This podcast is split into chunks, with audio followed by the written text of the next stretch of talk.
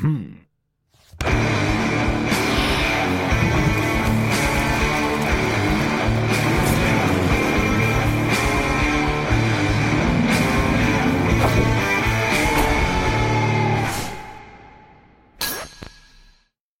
Dobrodošli u još jednu epizodu Agilas podcasta. Danas će biti, um, nadam se, vrlo zanimljiva epizoda i da ćemo je završiti uh, kako ćemo i početi. Uh, ali pre nego što počnemo sa celom pričom, jer imamo zaista puno toga što ćemo da radimo i što ćemo da pričamo, ovaj, da obavimo ovaj servisni i obavezni deo za koji počinjem da razmišljam da bi trebalo možda da snimim odvojeno najavu, jer, znaš, pošto pregovaramo sa nekim novim sponsorima, možda se poveća njihov broj, pa će biti besmisleno da uzimam sve veći i veći deo podcasta da razgovaram o ovim formalnim stvarima, ali a, važne su i svakako smo beskreno zahvalni što ljudi prepoznaju kvalitet onoga što radimo. Dakle, pozdrav puno našim partnerima iz Red Bulla, Hoćeš ti možda Red Bull? Ja pijem vodu, možda kasnije. Dobro, dobro, mada šta ćemo sve, mada šta ćemo sve piti? Da. Ovo, ja ću da uzem jedan. Uh, pozdrav njima, hvala vam na podršci i takođe da pozdravimo um, ljude, prijatelje iz Volt kućne dostave, kao što znate, ukoliko ste gledali naš podcast, znate, ukoliko niste, uh, dužan sam da pomenem, tako da molim vas ne zamerite mi što se ponavljam. Dakle, Volt kućna dostava, uh, uh, iskoristite kod sa imenom našeg podcasta Agilast i ostvarujete 400 dinara uh, prilikom prve por poručbine. Dakle, ukoliko nikada niste poručivali kućnu dostavu preko Volta i poručujete prvi put, iskoristite kod sa imenom našeg podcasta Agilast i ostvarujete 400 dinara popusta.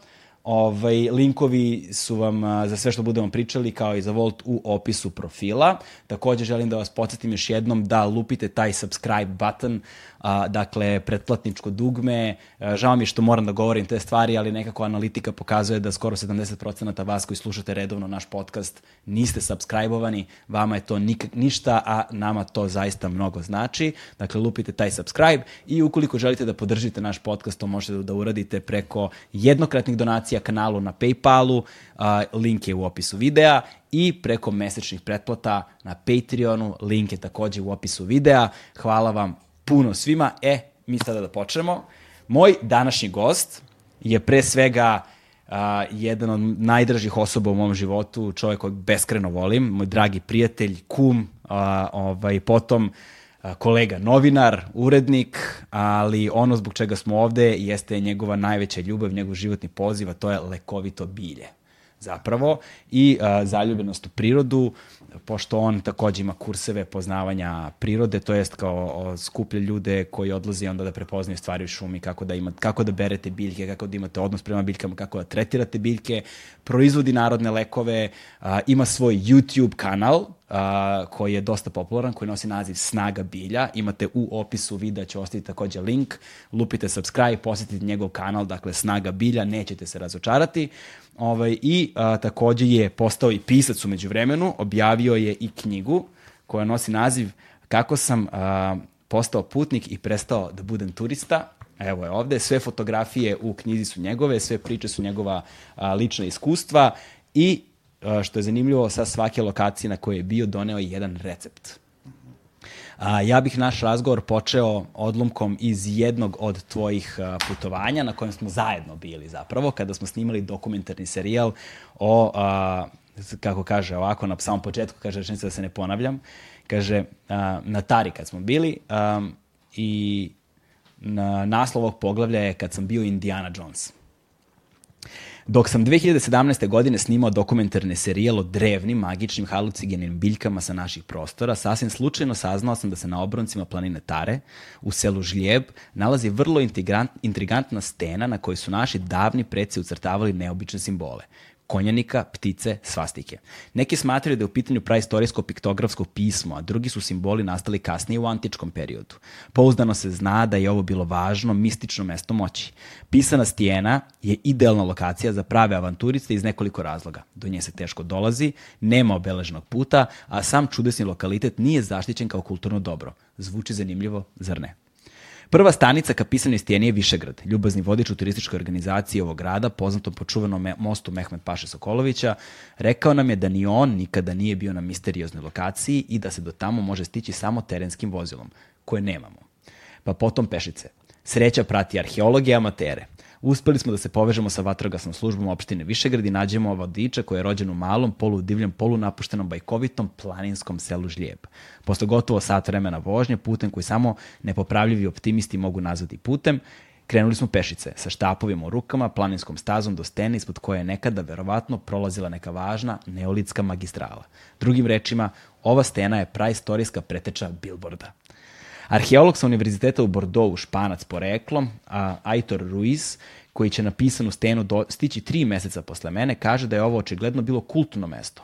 Ispod glatke, vertikalne stene ljudi bi prvo zapalili vatru, a onda urezivali simbole na steni i farbali ih u belo. Ovaj doktor arheologije smatra da su crteži iz ranog srednjeg veka i pozne antike, kada su na ovim prostorima živeli autarijati, ilirsko pleme po kojima je Tara dobila ime. Ipak, tačan trenutak u istoriji kada su ovi crteži nazdali ne zna se pouzdano. Po svemu sudeći, oni su docrtavani i iznova bojeni vekovima. I sad tekst nastavlja i nastavlja. Mislim da je ovo sasvim dovoljno da započnemo, započnemo jednu integrantnu priču. Moj gost danas, ukoliko nisam rekao, Momčilo Antonijević. Gde si, Momčilo? Kume, kako Dobar si? Dobar dan u kuću, evo dobro. Šta ima? Pa, ima svašta. Raznih novosti, raznih dešavanja. Uh, aktuelna je sezona branja biljaka. Razmišljam koju tačku prvo da se izmestim iz Beograda. Bio sam na Stare planini. Planiram da idem na Suvu planinu, planiram da idem na Rtanj. Tu ću negde da umetnem Zlatibor. Tako da ovaj, u planovima sam. Baš je čudno kada razgovaraš sa nekima, sad ti ja treba da imamo nekakav formalan odnos da bi ovaj podcast imao smisla, a s druge strane se kao naš ono, najbolji smo prijatelji i uh, strah je uvek uh, kako voditi ovaj razgovor, da nam se puno toga ne podrazumeva i da onda slušaoci ostanu uskraćeni za neke stvari koje su možda važne, koje ti i ja nekako prelećemo da. preko njih brzo, pa ćemo probati onako plastično i polako da idemo.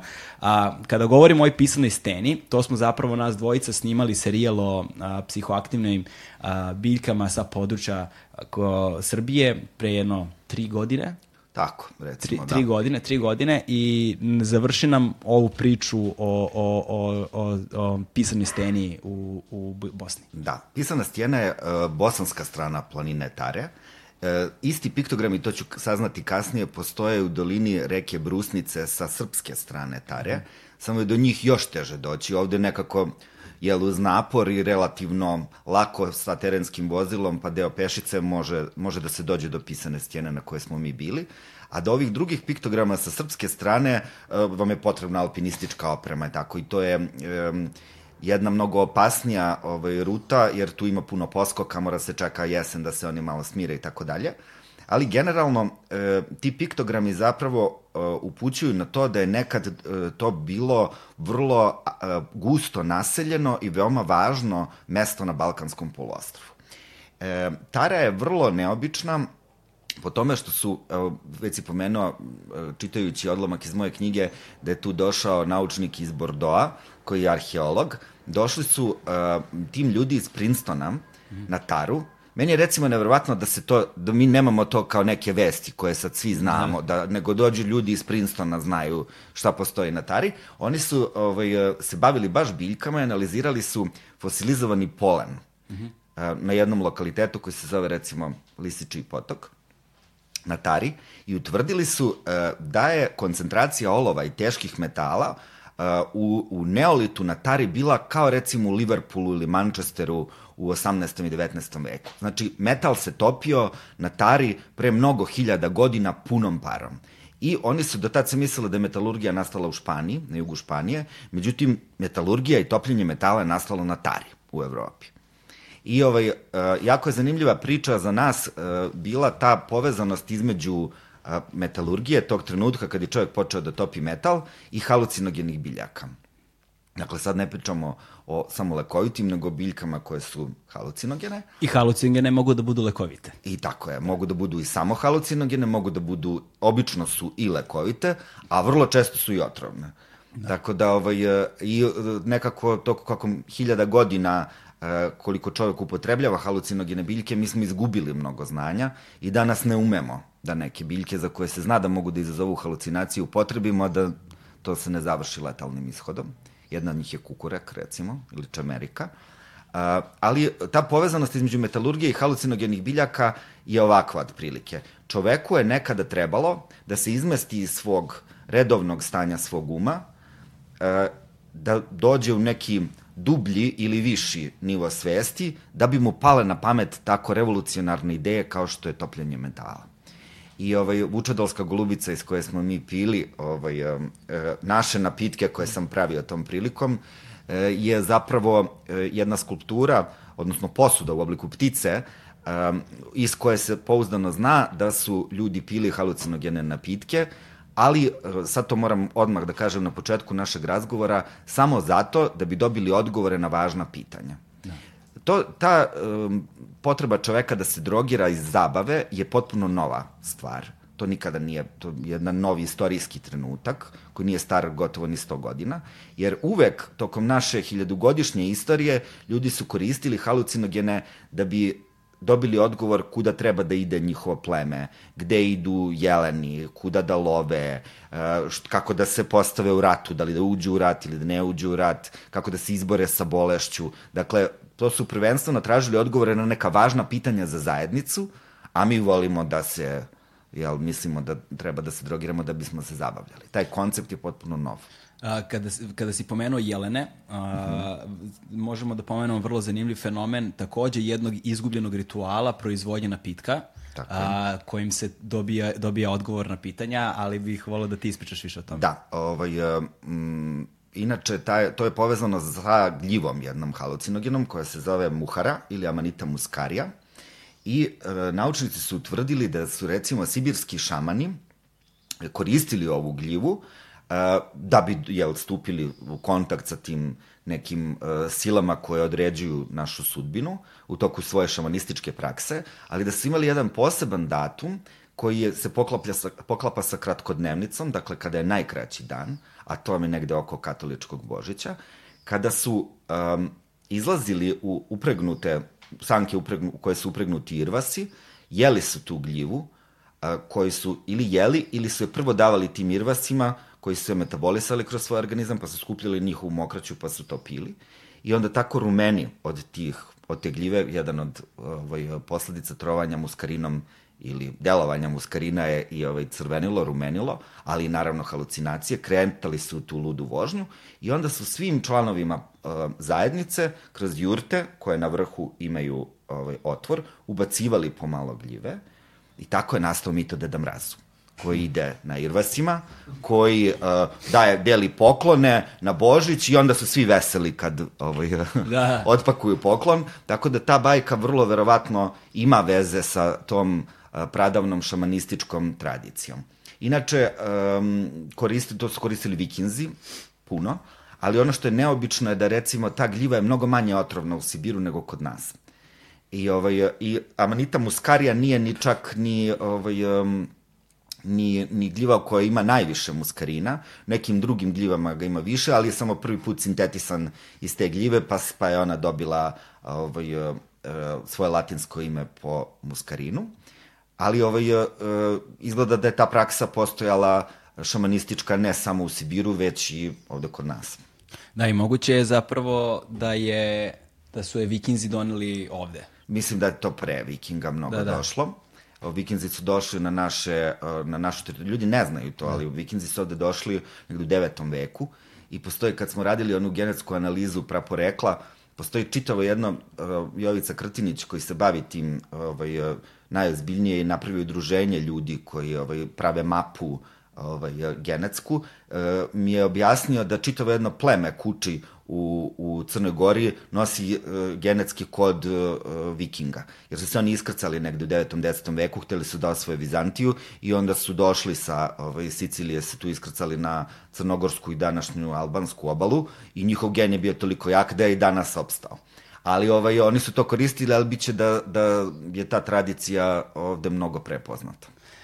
Um, E sada, da bismo mogli da nastavimo sa ovom, ovim pričama uh, nadalje, hajde da mi daš um, jedan, mal, jedan, jed, uh, jedan mali uvod u stvari kojima se ti baviš mm -hmm. i zapravo kako je to počelo i možda bi to mo moglo da bude dobra a, linija kretanja, da počnemo iz početka, jel te? Ovaj, pošto ti se baviš lekovitim biljem a, skoro ceo svoj život, počeo si sa nekih 13 godina, 13 godina, 13 godina i od tada se neprekidno baviš zapravo lekovitim biljem. Um, uskoro ćeš, koliko sam razumeo, početi da prodaješ proizvode da. od lekovitog bilja koje sam praviš, ono, od, od eteričnih ulja pa nadalje, čajeva i tako dalje. Uh, ali priče u vezi sa tvojim početcima bavljenja lekovitim biljem mislim su fascinantne i način na koji otkrivaš zapravo i neku svoju porodičnu istoriju kroz nju. Da, ovaj, da ljudi ne pomisle, naš razgovor je počeo tako da ovaj, ljudi možda mogu da steknu pogrešnu predstavu da. ovaj, čime se ja bavim. Ove halucinogene biljke su samo jedna, jedan mali deo zapravo onog, onoga što mene interesuje. Ovaj, ali ono što mene prvenstveno interesuje je lečenje biljkama i njihova lekovitost. E, I kao što si lepo rekao, već 27 godina da, da. se tim bavim od svoje 13. godine. I moram da kažem da e, su prvenstveno e, um, hiperinflacija, ekonomska kriza je uticala na moje bavljenje. Ovaj, malo se šalim, malo se ne šalim. Uticala na ovaj, moje, moju, moj životni put. Jer te 1993. godine mi imamo kuću na Zlatiboru i onda sam ja prolazio ovaj, ispred hotela Palisad koji se nalazi u centru Zlatibora i video neke žene koje prodaju osušene biljke.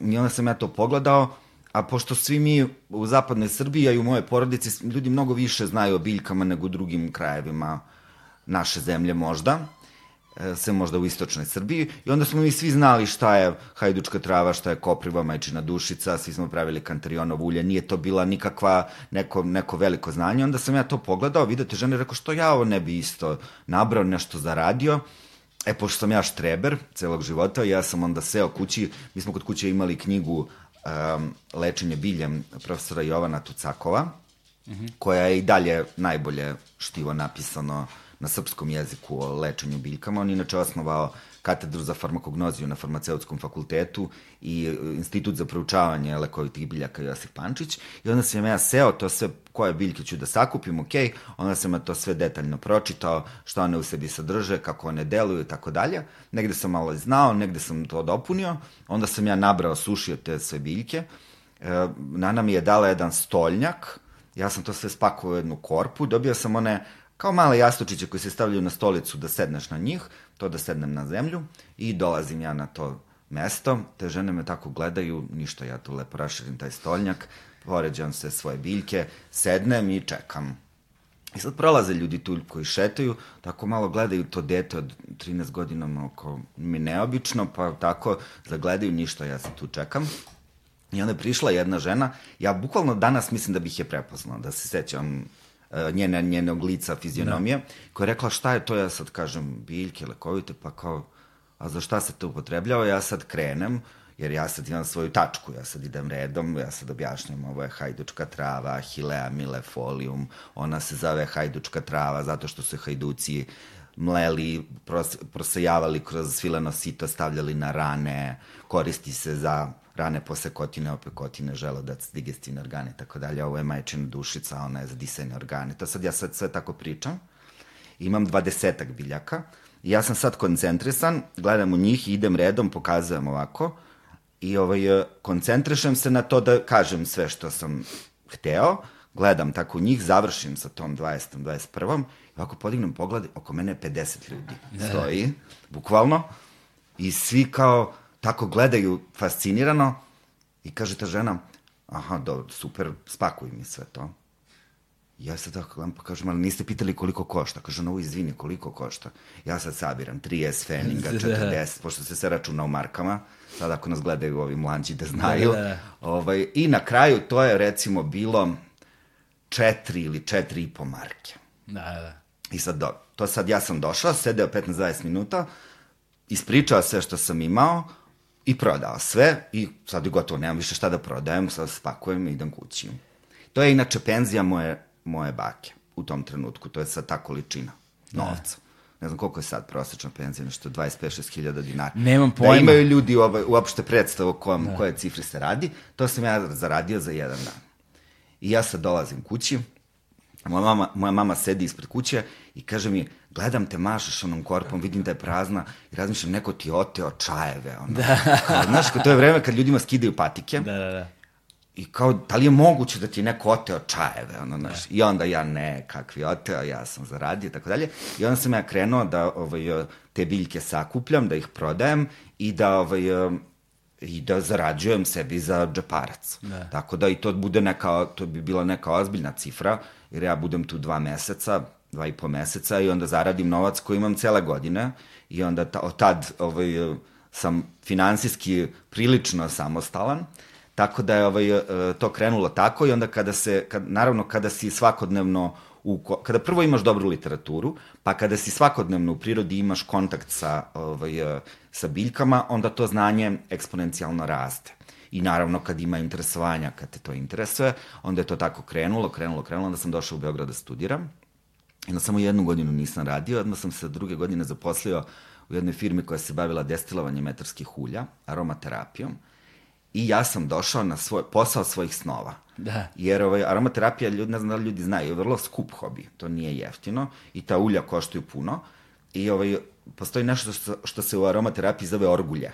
To znači ti sedneš za sto i ovako su ti složena sa tvoje tri strane u P sva etarska ulja, donja, srednja i gornja grupa isparljivosti i sad recimo tu imaš etarskih ulja ko sad recimo za 5, 6, 7 hiljada evra. I sad to je meni bila nezamisliva količina da ja to kupim imam kod kuće i sad odjednom ja sedim tu i ovaj, mogu da radim sa tim uljima šta hoću i onda je ovaj, krenulo to da se razvija i da ide svojim tokom. Nakon toga je došao ovaj, moj sajt Snaga Bilja i moj YouTube kanal Snaga Bilja, da sam uspeo lepo da sklopim uh, novinarstvo sa tim čime se ja bavim.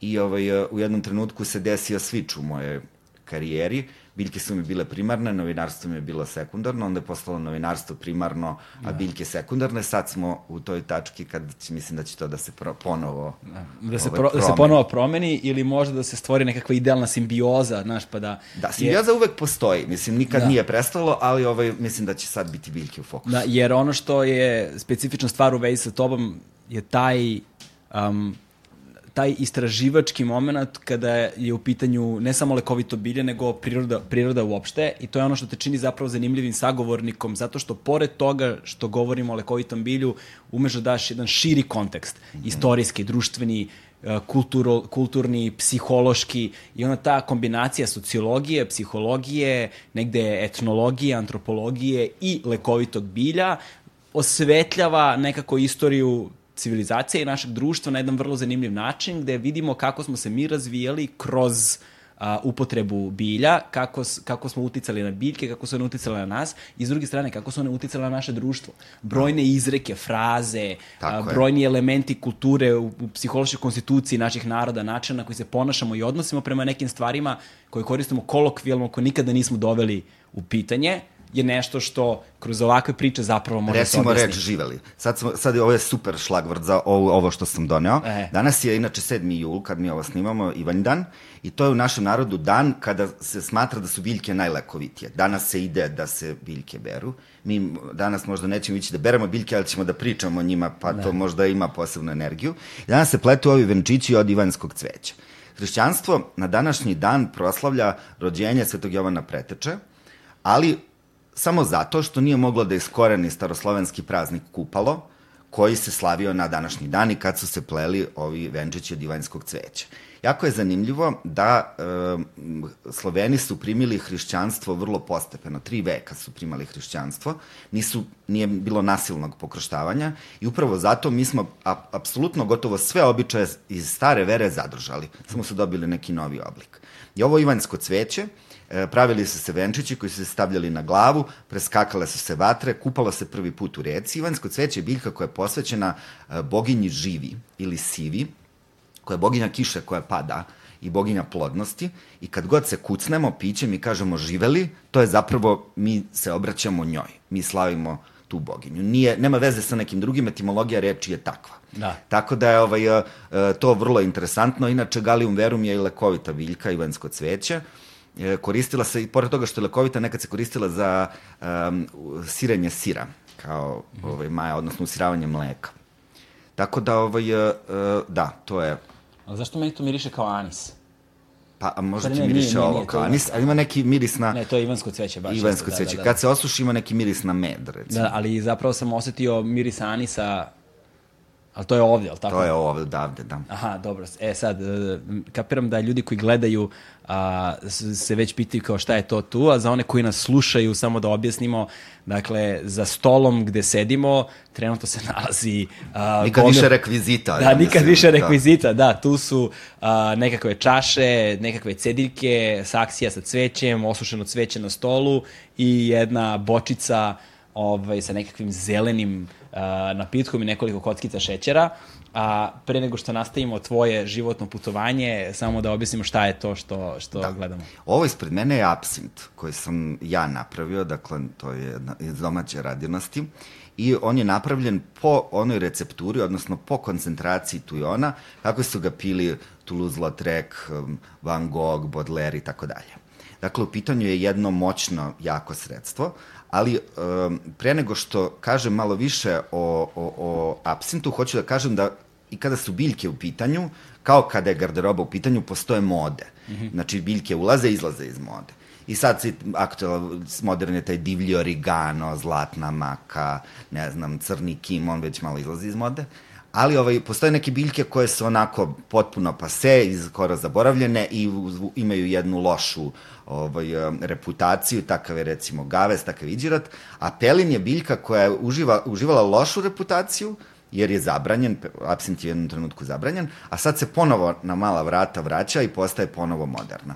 Inače, absint je piće koje se sastoji, to je jako alkoholno piće koje u sebi mora da ima minimum 70% alkohola, ako pričamo zapravo o onom originalnom absintu, i koje u sebi ima etarska ulja ili esencijalna ulja ili eterična ulja, to su sve sinonimi, e, pelina i anisa. Dakle, ukus absinta je ukus anisa, a njegovo delovanje je prvenstveno delovanje pelina. Pelin ima jedan keton u svom etarskom ulju koji se zove tujon i koji je poprilično opasan i zahvaljujući njemu imamo to halucinogeno delovanje apsinta, odnosno zelene vile, kako su ga zvali u 19. veku. Tujan se nalazi još nekim biljkama, kao što je recimo tuja po kome je dobio ime i žalfija kao još jedna biljka koja je potencijalno i opasna, ali i lekovita zahvaljujući tim tujanima. E, Absint je jedan, jedno neopravdano ovaj, optuženo piće, zato što se ovaj, eh, on dogodio onog trenutka u Francuskoj kada je napala na gljivica filoksera, mislim da se zove, vinograde i nije bilo vina. I onda kao ček, ček da napravimo neko piće, evo absint, to je lako, i onda su napravili to enormno jako piće koje su mogli da piju i siromašni ljudi da bi odmah vrlo brzo osetili ovaj, um, delovanje, kako Da, bih da. rekao. Nije im trebalo toliko novca kao za vino, a ovaj, uh, neopravdano, neopravdano je optužen uh, Pelin zato što je absint prvenstveno ima 70% alkohola. Znači, popite samo 70% alkohol, pa ćete vidite kako ćete da se provedete. Ali uh, i neke druge biljke koje su ulazile u sastav absinta, kao što je recimo muskatni oraščić uh, ili iđirat koji sam već pomenuo, su zapravo verovatno imale svoj udeo u tom toksičnom delovanju i što je najopasnije, uh, zelena boja se postizala, ovo je zelene boje, uh, postizala se uh, solima teških metala koje su izuzetno otrovne. E sad ova zelena boja je od peršuna, nema teških metala, tako Ali da... mi, su, a, izvini, prošli put kad smo pravili... Bio drugačije bio, zelene. e, Bio drugačije zelene, smo od Tako koprive smo pravili boje, da. tako je. Mi koristimo hlorofil, tako da se, odlično se to zapamtio, tako da se razlikuje malo zelena boja, ali je zelen. I, ovaj, I vrlo često možemo da pronađemo u literaturi Van Gogh je sebi ocekao uvo pod dejstvom pelina, to baš nije tako. Van Gogh je čovek koji je bio um, psihički bolestan i mislim on bi mogao da odseče uvo na bilo čemu, Da. ali jako je interesantno recimo kad su vadili njegove um, ostatke da ga ovaj, um, iz njegove grobnice, da, da ih prebace u neku grandiozniju, bolju grobnicu. Ceo kovčeg je bio obmotan korenjem tuje, koja je zapravo, po kojoj je tujan dobio ime. Tako da je to neki kuriozitet. A ovo, ovo ovde sam doneo da vidiš kako izgleda ovaj, pelin od koga se pravi absint. Ova, od ovog se pravi, ovde ima dve biljke. Aha, da, vidim, vidim, vidim. Ovo su dva pelina, dva brata rođena. Ovo je gorki uh, ili beli pelin, Artemisia absinthium. Ovo je slatki pelin, Artemisia annua. E, zahvaljujući ovom slatkom pelinu, pelin ponovo se vraća u modu, jer um, on ima jednu substancu koja se zove artemisinin, koja je se pokazala kao odličan lek za malariju. I u Kinezi ga koriste u svojoj, to je biljka poreklom iz Kine, koriste ga kao ovaj, vrlo efikasan lek za malariju. Uh, za mnoge druge stvari i artemisinin se pokazao kao efikasna substanca koju treba istraživati i posvetiti je pažnju u, u tim proučavanjima da. delovanja biljaka na kancer. Tako da postoji velika mogućnost da ćemo jednog dana to uspešno koristiti ovu biljku u lečenju najtežih bolesti. A apsint, uh, odnosno apsint se pravi od ovog belog pelina, od njega se pravi i pelinkovac i vermut. To su tri pića mm -hmm. koja se prave od pelena, sva tri su potpuno različita. I ovaj, uh, ta reč vermut potiče od reči vermis, što znači crv, jer je pelin jedan od najboljih biljnih sredstava za izbacivanje crevnih parazita. Odličan je za uređivanje menstruacije. I oba, obe biljke imaju to ime Artemisija, jer su posvećene boginje Artemidi, koja je bila boginja lova, ali zaštitnica porođaja. I ove biljke se da, su se nekada davale da se olakša porođaj, ali nikako ne smeju da ih piju trudnice, jer onda krene porođaj kad ne bi trebalo. Tako da ovaj, pelin je vrlo uh, korišćena biljka u našoj narodnoj tradiciji, vrlo česta je u pesmama uh, i on je simbol gorčine. I ta, upravo ta gorčina je ono što je lekovito u njemu, on je odličan lek za želudac, um, koristi se kao lek za reproduktivne organe, uh, pomaže funkcionisanju digestivnog trakta um, kako bi on trebao da funkcioniše, snižava šećer u krvi, tako da je u pitanju jedna ovaj, vrlo lekovita biljka, nadam se da ćemo je koristiti više, ali pažljivije. Dobro, hoćemo da pravimo taj absins. E, ajde, da. E sad ovako. Ovaj, uh, ti treba neka upaljača, imaš upaljača? Imam se, opre, opre, puno sam opremljen. Okay. Ovaj, uh, kao što sam rekao, absint ne može da se pije um, ovako sam, nemojte to nikada radite, zato što je u pitanju 70% alkohol. Mi ćemo sada da ga prelijamo preko ove kocke šećera, onda ćemo tu kocku šećera da zapalimo, ili ona ima alkohola u sebi, i onda ćemo, kada ta sva tečnost kroz ovu kocka šećera stoji dakle na ovoj, ovoj cediljci, uslovno rečeno, postoje specijalne kašike za absint, ovo nije baš ta, ali poslužit će, Ovaj, I onda ćemo to da zapalimo, kad to sve iscuri dole u čašu, onda ćemo da dodamo hladnu vodu. Tako se, pelin, tako se absint pio nekada. Da. Mi smo već jednom pravili absint i, ovaj, uh, i dan danas, pre tri dana me, mi je neko pisao, a gde mogu da kupim etarsko ulje pelina. Ovo sam uh, doneo samo zato što sam potpuno siguran da nigde ne možete da kupite ulje pelina. Dakle, nećete ovo izvesti kod kuće, žao mi je, ali ovaj, evo ovako ali ćemo mi ovde da se poslužimo, pa, boga da. mi, samo za one koji nas slušaju. Evo, upravo smo Evo zapalili ga. ovaj kocko šećera. se to vidi. Nema veze. Ali ja gori, vidim. Da. Gori, gori. Ovaj, a, da za one koji nas, koji nas slušaju, koji nas gledaju, samo da znate, 11 ujutru je, mislim da nisu svi iz ekipe doručkovali još uvek, tako će ovaj podcast vrlo zabavno da se završi. da. O, Evo ga idem. Ovdje nam je voda, da? Da, tu je voda. Pazi, hladno, to sam ja sad uh -huh. zamrzavo sam je, ono, baš je hladna. Evo ga. Među vremenu si stopila, naravno. E, sad taj apsint postaje opalescentan, uh -huh. što to znači da je ovako zamućen i beo ima tu neku zamućenu boju ovaj, kao mleko i to je zapravo boja od anisa. Anisovo ulje kada se doda voda, ono bude tako. Evo, izvolim. Hvala. A, pa, što je vruća čaša. Napravit ćemo, pa da. Mm. Osjeća se zapaljeno malo, znaš. Da. Sva sreća, ja sam ipak doručkovao, pa ne bude da, baš... Da, ja sam, mi smo rano ranioci. E, pa ovo je baš pitko. Kao sokić neki. Da. Što je zapravo i opasno. Hoćeš ti boje se? Hoćete da pravimo odmah? Ajde, Svima. napravi za ekipu, da. Daj, daj čašu. Evo ti.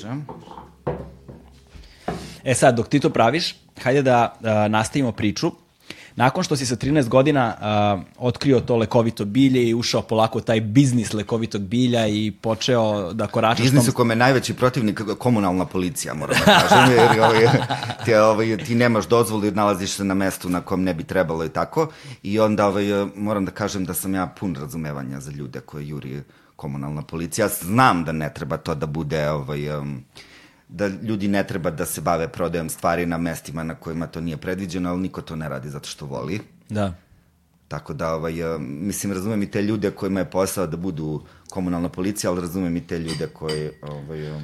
Da, vrlo je zeznuto to sa komunalnom policijom, kao što je da. zeznuto da. isto verovatno i sa ljudima, kontrolerima u Bus Plusu i sličnim ono, servisnim funkcijama iz prostog razloga što na kraju dana i jedni i drugi su samo ljudi koji verovatno pokušavaju rade, da žive tako, i da rade svoj posao. Da. Naš sistem je taj u koji treba da upiremo prstom tako i da, da, da, kojim treba da se obraćamo. Onima koji su na poziciji moći, moći da donose te odluke zapravo. E, a, nakon toga imao si jedno vrlo zanimljivo iskustvo kada si, ja mislim, prvi put uh, uh, eksperimentisao sa... Opa. Dobre. Kada si prvi put eksperimentisao sa halucinogenim biljkama i to ovim najopasnijim našim. Da. To je bilo vrlo ovaj, na početku mog bavljenja lekovitim biljkama. Ja mislim da sam i tad, tad bio sam sedmi razred. I ovaj, da. Da, i ovaj, uh, prijavio sam se na takmičenje uh, nauka mladima. Uh, evo ga.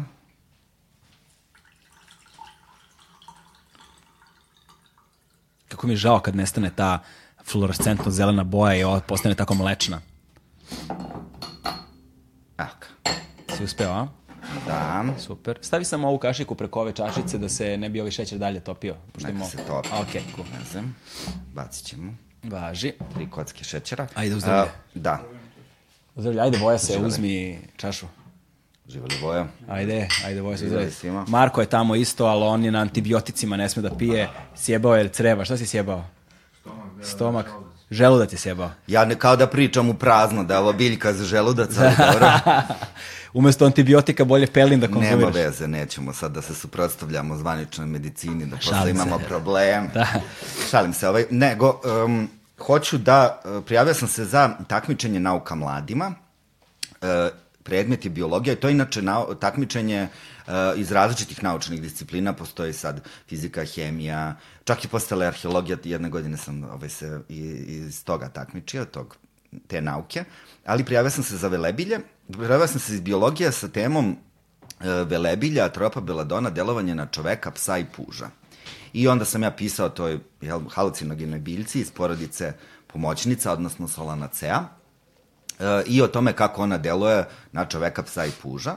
Na čoveka deluje najsnažnije, na psa nešto slabije, na puža ne deluje uopšte, puž može da se hrani njenim listovima i tako dalje.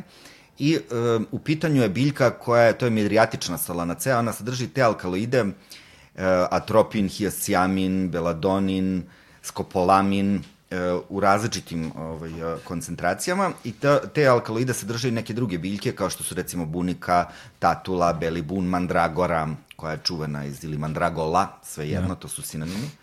Ovaj, um, to Čove, dakle, čoveči koren. Kako čoveči koren, da. Zato što ona zaista ima koren koji podsjeća na čoveka i sad ove, mlađe generacije znaju iz Harija Pottera, starije ja. generacije znaju iz Makijavelijeve drame, Mandragola, komediju zapravo. A neki iz Šekspira. Neki iz Šekspira, tako, tako je.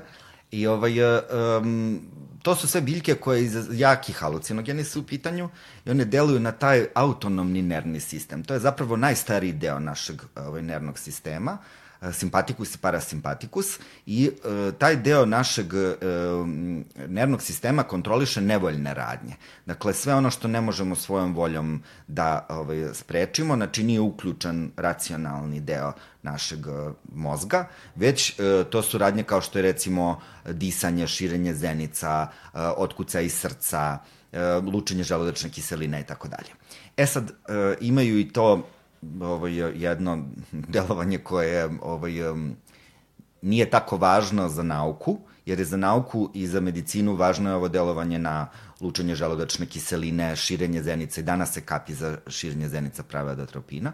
Um, ove biljke uživaju veliku reputaciju kao snažni halucinogeni, kao moćne biljke, zato što, jel, izazivaju halucinacije. Oni nadražuju periferne nerve i onda imate utisak da vam iz kože raste perije ili dlaka od atropina. Od hioscijamina imate utisak, hioscijamina ima mnogo više u svežim biljkama, on se sušenjem gubi i prelazi u atropin. Imate utisak da se odvajate od zemlje. Um, I onda nije ni čudo što su ovaj, u nekim tradicijama baš ove biljke iz ove porodice se koriste za letenje, pa onda šamani imaju tu viziju da, da zapravo su se pretvaraju u pticu, da lete. Čak se smatra da su oni bili sastav srednjevekovne veštičije masti, koji su veštice mazale ovaj, na nekih 14 svojih pulsnih tačaka, da bi prisustvovale tom sabatu, kad su se pretvarale u mačku. Mm -hmm. Dakle, sve ima tu svoju. Ja, a skopolamin, taj alkaloid koga ima najviše u tatuli, belom bunu, on izaziva brisanje kratkoročne memorije. I onda uopšte se ne sjećate šta se dešavalo do tog, toku tog ludila. A ovaj, uh, skopolamin, sintetisani čist skopolamin je verovatno jedna od najopasnijih droga. To je onaj angel dust koji vam dunu. Ne, i... nije Angel Dust, nego Devil's Dust. Devil's Dust, da. De, da. Devil, Devil's Breath, tako nešto. Devil's Djavoli dah, da. tako nešto, da. Moguće da je, da, da, da. da je u pitanju đavo, a ne anđeo, da, da. Nije, nisam iznenađen. I onda ovaj, vi ste zapravo svesni, ali ste, delujete svesno, ali se ničeg ne sećate. I tako vrlo je opasna jedna stvar u pitanju. I onda sam ja, pošto sam kompletno znao kako te biljke deluju, a Velebilje ima bobice, kada su zrele na krajem avgusta, recimo početkom septembra, koje su tamno, tamno ljubičaste i sad piše u, u literaturi imaju blago nakiseli ukus kao trešnje. I onda sam ja hteo po, pošto po to da probam kakav je taj ukus. I onda sam, ovaj, pošto sam to sad znao sam šta će se desi, onda sam ovaj, došao u šumu sa ovaj, um, skuvanom jakom koncentrovanom kafom, um, koja inače važi za protivotrova, aktivni ugalj takođe, to su sve stvari koje vežu te alkaloide, i onda sam ja uzeo tu bobicu, sažvakao sti ukus, onda sam je pljunuo, i mislim znao sam da ne može ništa da se desi, ali mislim onako igranje je malo na ivici. na ivici, ali ja sam tu sad ja potpuno vladam situacijom, znam kako to ovaj šta će se desiti, onda to pljunem, isperem usta, popijem vodu, popijem kafu, naravno ništa se nije desilo, malo ti se osuše usta, jer odmah prestaje ljučenje, lučenje pljuvačnih žlezda od ovaj, midrijatičnih solanaceja, ali posle sam razmišljao šta bi moja majka rekla ili otac da znaju ovaj, šta im dete od 13 da. godina radi u šumi. Mislim da ovaj, ili ja šta bi radio da moje dete, ovaj, da, da, da. tako ne bi mi bilo uopšte sve jedno ali ovaj, um, to se, um, kažem, dobro završilo.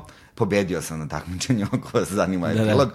ali ovaj, um, jako je važno sada kada pričamo o ovome, mi se sad malo šalimo i pričamo to kao anegdotu, želim da napomenem ljudima da nemojte slučajno sami da se ovaj, koristite ove biljke, nemojte da se igrate, nemojte da pravite da mislite da možete da napravite nešto za šta nemate dovoljno znanja, ne znate kako se upotrebljava, nemate nekoga ko može, ko zna šta ste tačno radili, ko može da preduzme određene mere, predostrožnosti, jer ove biljke su toliko opasne, imaju tu m, u Južnoj Americi oni ovaj, smatraju da su biljke doktori, kako ih baš i zovu, i da svaka daje neku lekciju, da svaka ima različitu energiju, sad da li u pitanju um, kaktus, meskalin, da li u pitanju uh, psilo, psilociba, gljiva i tatula je jedna od biljaka koje oni koriste, koja se zapravo smatra najopasnijom. Da. Jer ona ima tu energiju neke ja je zamišljam kao neku prelepu, opasnu ženu koja će da ti, ako je se samo malo nešto ne sviđa, zavali šamarčinu i nećeš se ovaj, oporaviti čitav život od, od, da, da. da. E sad, od te avanture. E sad, samo da, samo da napomenemo, a, ti i ja smo pre nekoliko godina išli u potragu za belim bunom, koji nismo našli. Da, dobili smo fotografiju jednu da je primećen jedan kod Rajkove pećine, ali da. nismo da. uspeli da ga nađemo. Ceo dan smo potrošili tražeći ga tamo i to je baš bila avantura. Uh, ali beli bun je strogo zaštićena biljka Tako zato što je, ovaj ugrožena, nema je, je tipa U Srbiji je nema, u Srbiji je strogo zaštićena, mnogo više ima u Hrvatskoj recimo, ima i u Rumuniji, sa druge strane Karpata, to je, su već Karpati gde smo mi bili. Ali recimo to je zanimljivo jer ja mislim da e, čim se um, obznani, objavi da neke biljke strogo zaštićene ima na nekom području, onda neko dođe i uništi je. Da. Mislim, to nije uopšte prvi slučaj, da li se sad to desilo, mi to ne znamo, naravno, da. ali dođu neki ljudi koji to povade, izvade, ne znam šta rade uopšte s tim. I onda mislim da je generalno um, nije ni dobro otkrivati te da. lokacije. Ja sad upravo planiram da idem na Vlasinsko jezero da. sa ovaj, dvoje mladih biologa i tamo hoćemo da nađemo jedinu srpsku vrstu biljke mesožderke, pošto u Srbiji raste biljka mesožderka, ne znam da li to ljudi znaju, zove se rosulja, Drostera rotundifolia, i ona je lekovita biljka. Ali oni su mi rekli da imaju tačne koordinate, ali zaista nećemo otkrivati tačne koordinate da. i onda su mi rekli, pošto je to nije nacionalni park, ali neki rezervat prirode i tako dalje, oni uh, su dužni da vam pošalju jednog rendžera da ide sa vama, e, koji će da pazi da vi snimate sve što snimate tako da niko ne može da zaključi gde ste. Aha, aha, aha. Dakle, ali to su uveli verovatno kao neku obaveznu meru, jer ljudi se zaista ponašaju neodgovorno i ne znam uopšte šta rade ovaj, e, sa tim. Mislim, možda i znam šta rade, ali to je zaista, ne bi trebalo možda, tako. Možda i znaš šta radi. Kada si pravio ovaj eksperiment, odnosno rad, uticaj na a, puža, životinju i čoveka. psa i čoveka. Puža, psa i čoveka. Ovaj, kom psu si davao? Da, ne, ovaj, um, ne bih da, da dajem nikome ideje da daje svom psu, nemojte da ovaj, to radite. To je bila, ovaj, ja sam imao samo 13 godina, to su bila, to je bila uporedna analiza onoga iz A literature. kako, si, a kako si sa pužem znao? Puž sme da jede. I onda Da. sam ovaj, ulovio jednog puža u šumi i stavio ga samo sa lišćem velebilja i on je to samo imao u posudi, to je gricko i tako. Ali na osnovu čega bi znao da li je njegovo ponašanje promenjeno ili ne? Pa, kao malo je brži, šalim se. ne, ovaj, e, mislim, prosto ta količina, to je bila jedina hrana, da to na, bilo kako utiče na njega, on bi ovaj, uginuo. Da, da. Ali ne. Pošto sam je znao, to je već dokazana stvar i ovo je samo bilo Aha, samo mala pokazna stvar. Da, dobro, dobro, dobro. Um, dakle, pomenuli smo Beli bun koji, koji, je, koji je užasno redak, ali on spada u prirodu, dakle, u, u prirodu, spada u porodicu a, zajedno sa ve- lebiljem, tatulama i bunikom. Tako je. A, I bunika je, na primjer, biljka, bunika i tatula a, su biljke koje zapravo a, vole za đubrišta Jeste, i vole zađubre, nitrofilne da, da, jeste. zađu, zađubrene lokalitete. Kao i konoplja, recimo. kao i kono, te što znači da one prate ljude Da. i da mogu vrlo često se nađu na smetlištima, a, na deponijama, a, zapuštenim tim lokalitetima, gde je, primjer, Blizu ima- štala, blizu štala i tako dalje, gde ima dosta vlažnosti i gde ima dosta sunca. Jeste. Ovaj, I ono što ljudi ne znaju, a to je da tatulu a, nije redko, a, neretko možemo da je sretnemo ono ispred zgrade u parku da, se igramo i da je zapravo svaki deo te biljke otrovan. I Tako je. list, i stabljika, i, i bobice, odnosno plodnja. I tako Cvet, dalje. seme, koren, sve je otrovno, da. Sve je otrovno i kada se dodirne i protrlja list list tatule, a, osjeti se jako odbojni miris. To je ono, majka priroda ti kaže, Da, nemoj s ovime nemoj. da se zajebavaš. Da, ovaj, e, to je biljka koja zaista raste svuda oko nas. Mi smo išli i gledali smo po gradu na nekoliko lokaliteta, ona je otporna vrlo, ostavlja seme, svake godine niče i tako dalje. E, a i ona je ovde jako često korišćena kao e, biljka za trovanje. Ima ta čuvena baba Anujka iz Vladimiraca. Juče sam pročitao u politici da se snima film o njoj. E, stvarno. Da. I ovaj, mislim da će to biti igrani film.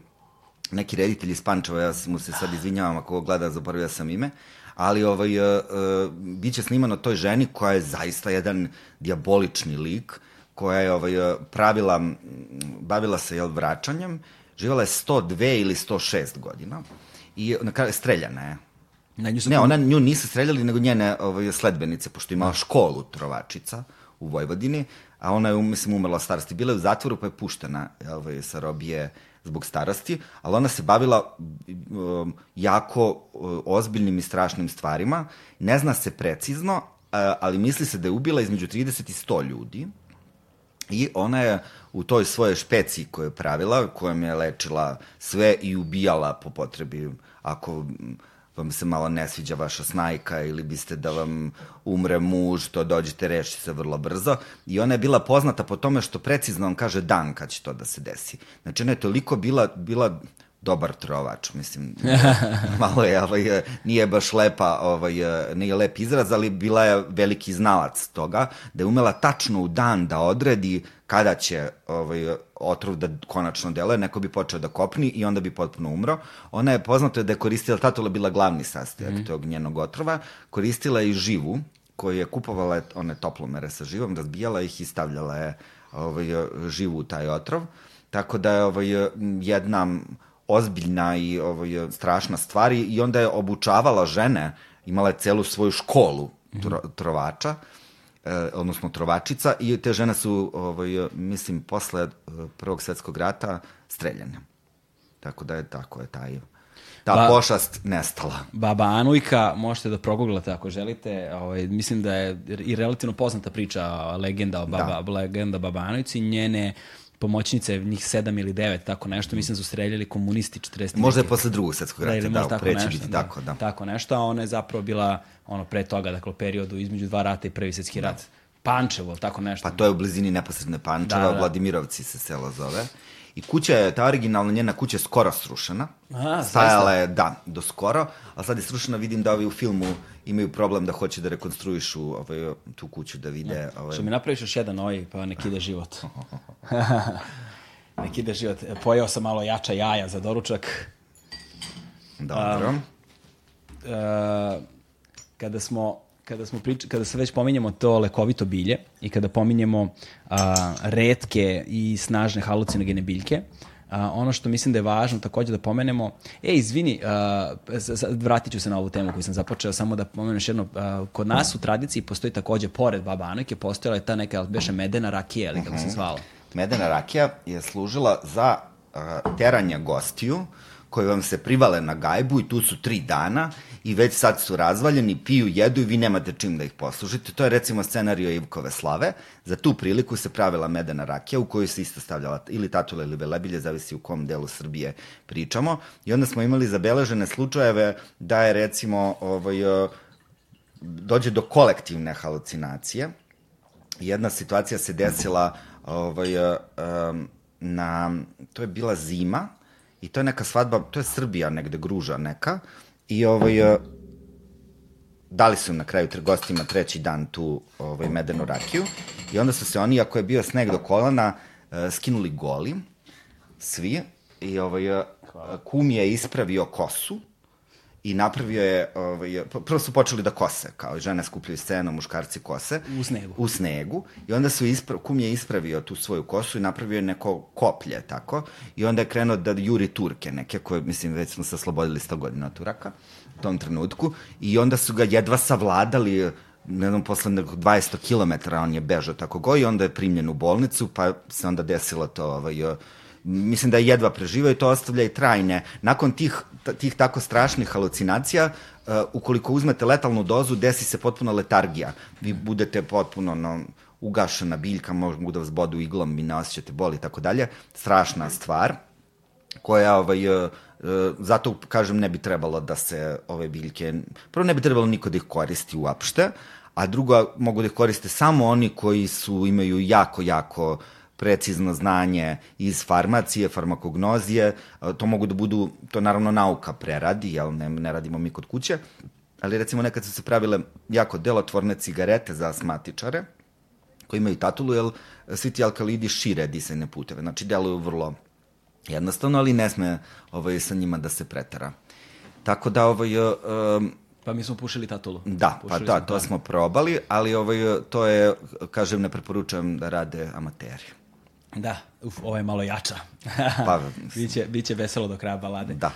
Znaš kako kaže ovaj, moja drugarica Maša, uh, pošto kad smo bili na Karibima, to ima isto u knjizi, ovaj, i mi se ujutru ustanemo i popijemo rum, i ona kaže, ne, mi nismo alkoholičari, mi smo pirati. Da. Pošto pijemo pre podne. um, ka, kako je, kada sam radio istraživanje uh, o ajovasci i kada sam pokušavao da saznam nešto više o toj biljci dok to znanje nije bilo tako lako dostupno kao što je danas svuda i pošto je ono među vremenu postalo u velikoj meri mainstream. A, ja sam od, od, na, tada sam upoznao na farmaceutskom fakultetu profesora Jančića, koji je bio šef katedre za botaniku. Um, I onda mi on tada pričajući ispričao uh, još jednu, ispričao mi još jednu anegdotu kako se u narodu kaže za tatulu. Ove, kaže, ona je toliko potentna i toliko varira potentnost od biljke do biljke u zavisnosti od toga na kakvom je tlu, kakva Broja je vlažnost. sunčanih dana, n- Bro- mnogo da. faktora. Tako da ti kada vidiš biljku na osnovu iskustva sa ne znam možda prethodnom ili deset pre nje, ne možeš da odluči, ne možeš da zaključiš ni kakva je potentnost te konkretne biljke. Svaka biljka je kocka Sem za- ako si baba Anujka. Da, da, svaka biljka je kocka za sebe i negde je to znanje zapravo izgubljeno. Da. Kako mi možemo da utvrdimo to staro znanje a, upotrebe te biljke, ne samo nje, nego i mnogih drugih je izgubljeno. I onda on, kaže, u narodu je postojala izreka, kaže, pošto ona ima a, taj, tu, tu čauru bodljikavu koja je puna crnih a, semenki. I onda, I onda kaže, jedna semenka, od jedne, od jedne semenke a, lepo, spava, lepo spavaš, od dve semenke lepo spavaš i lepo sanjaš, a od tri semenke lepo spavaš, lepo sanjaš i ne probudiš se. Da. Tako da ovaj, sto, stepen smrtnosti je zaista a, da. ogroman i veliki je rizik a, konzumirati bilo koji od tih biljaka. Tako da sad znate ono, kad te majka pita jesi jeo bunike, znaš odakle je to, bunika, velebilje, tatula, a, beli bun, iako redak, a, s, da. s, iskreno, nemojte da, ga, da ih da. probate, nemojte ništa s njima da radite, vrlo su opasne. Ali sam tada, ali smo tada i ti i ja saznali za jednu priču koju bih volao ti da ispričaš, ovaj, jer mi smo bili u potrazi za još jednom biljkom, mm -hmm. a, koja je, nažalost, a, pozdrav za prijatelje iz uh, Zavoda za zaštitu uh, za, Zavod za zaštitu prirode, Zavod, Zavod za zaštitu prirode Srbije koji su nam pomagali u tome pošto oni imaju uh, registar svih tih biljaka i navodno je postojala jedna registrovana na Fruškoj gori, uh, uobičajeno mesto gde ona raste uh, u Pirotu, je tako, okolina mm -hmm. Pirota. Okolina Vranja, Vranjska Okoliko, banja. Tako je, Vranjska banja, okolina Vranja ovaj, zapravo ne postoji već uh, duže vreme, ali ti nam ispričaj priču o toj biljci. Da, radi se o zrnešu, odnosno harmali. Uh, to je biljka, profesor Jančić nam je ispričao da je ta legenda, ponovo se vraćamo na bajke, da je ta bajka o letećem čilimu, zapravo nastala u, u tim um, tkačnicama i um, mestima gde se bojila zapravo vuna za persijske leteće, persijske ćilime. Uh, I pošto se od harmale dobija to tursko crveno, to je boja crvena koja se dobija iz semena te biljke i te um, tkalje koje su um, ili bojile vunu, zapravo bojile ne tkale, su ovaj, stalno držale prste u harmali i onda su, dok su tkale, imale utisak da se odvajaju od zemlje, da se dižu i da lete na tom letećem ćilimu i tako je nastala uopšte bajka o letećim, letećim ćilimima. Uh, a harmala je biljka koja sadrži um, malo inhibitore, inhibitore monoaminske oksidaze i to su zapravo klasični, uh, ono što klasična nauka upotrebljava kao medicina, kao antidepresiv. Postoji još biljaka koje sadrže malo inhibitore e, i to je jedna moja omiljena na prvo mesto je kantarion, koja je jedna nevrovatna biljka, bila je potpuno van mode, pa je onda ušla pre 20 godina i sad je odobrena od strane Nemačke komisije za lekove kao uh, odličan lek za te posebno sezonske depresije, jer kantarion, uh, pored toga što ima te malo inhibitore, utiče, on je fototoksična biljka, utiče na osetljivost naše kože na sunce. I ovaj, zato je recimo potpuno pogrešno mazati se uh, dok se sunčate na plaži kantarionovim uljem, što su ovde svi radili, to se nikako ne radi. Znači, kantarionovim uljem se mažete kad dođete kući, pa ako ste crveni, izgoreli, onda je to lek za to, ali nikako se ne mažete kantarionom dok ste na plaži. E, upravo ta sposobnost da pojača osetljivost naše kože za sunce je korisna za šveđane, islanđane, dance u toku tih polarnih noći, kada nema zapravo dovoljno sunca, i kada se javljaju te sezonske depresije, kantarion je prava biljka za njih. Inače, to je jako, recimo, zanimljiva stvar. Kantarion je lekovita biljka koja deluje na, kao što sam sad rekao, nervni sistem, deluje odlično na um, rane posekotine, opekotine, epitelizacije, ima to spoljno, kožno, deluje odlično na kožu, deluje jako dobro na želudac i može da se koristi kao biljni lek uh, protiv čira na želucu, 12-palačnom crevu, reguliše ciklus kod žena, dokazano je nedavno pre nekoliko godina da ima antivirusno delovanje, vrlo jedna kompleksna biljka, utiče na rad štitne žlezde i tako dalje, ali je zanimljivo da on je pravi primer da biljke ne, može, ne mogu da se piju tek tako. Da. Jer recimo ako pijete čaj od kantariona i koristite anti, anti-baby pilule, kontraceptivne, uh, može vrlo lako da se desi da te pilule ne rade. On prosto uđe u ovaj, uh, sadejstvo sa njima i njihovo dejstvo prestaje. Tako da, kada koristite biljke, neke su potpuno bezbedne, mogu da ih koristi mala deca, za neke je zaista potrebno da uh, ovaj, razgovarate s nekim ko se razume, da se raspitate o tome, pa da dođete do pravog znanja. Iako je u pitanju bezbedna biljka, evo, ne smete da se sunčate, ne smete da pijete kontraceptivne pilule, mora da se pazi kako se ona upotrebljava. On je jako zanimljiv, zato što je, baš zato što je malo inhibitor, ili on zapravo pola ayahuaske, koja se sastoji iz dva dela, koja se sastoji iz dve biljke. E, jedna je malo inhibitor, druga u sebi sadrži taj DMT, dimetiltriptamin, e, koji je zapravo e, molekul koji postoji u našem telu. E, on može da deluje halucinogeno i deluje, ali se ne, ne e, resorbuje u digestivnom traktu. Dakle, ne resorbuje se našim organima za varenje. Inače, a da bi se resorbuje, potrebno da ga uzmete zajedno sa malo inhibitorom. I to je neko pre 10.000 godina u amazonskoj prašumi došao do tog saznanja. Ja prosto ne mogu da zamislim da to do, do tog saznanja došlo slučajno. Jer to nije, kako da vam kažem, Sibir da imate 12 biljaka ukupno, nego tu su hiljade biljnih vrsta i neko je baš shvatio da treba da pomeša te dve da bi dobio ovaj, delovanje ovaske. Mislim, ne bih da mistifikujem, ali pitanje je kako je do tog kako smo do tog znanja da, došli. Oni kažu da im je to rekao duh prirode, ali da. neke istraživanja, uh, istraživanja pokazuju da još iz perioda neolita taj ritual Tako potiče. Je. Da. Inače, recimo, ljudi su, to se malo zna, ljudi su u praistoriji jako upotrebljavali lekovite biljke i znali odlično njihovo delovanje. Mi sad pouzdano znamo da su neandertalci, dakle ne homo sapiens, nego neandertalci koristili hajdučku travu, crni slez, laneno seme. To je, I to koristili za lečenje. Jako je zanimljivo recimo da jedna od prvih biljaka koje, koje je čovjek počeo da gaji je mak. I to prvenstveno zbog njegovog psihoaktivnog dejstva, odnosno psihoaktivnog dejstva opijuma.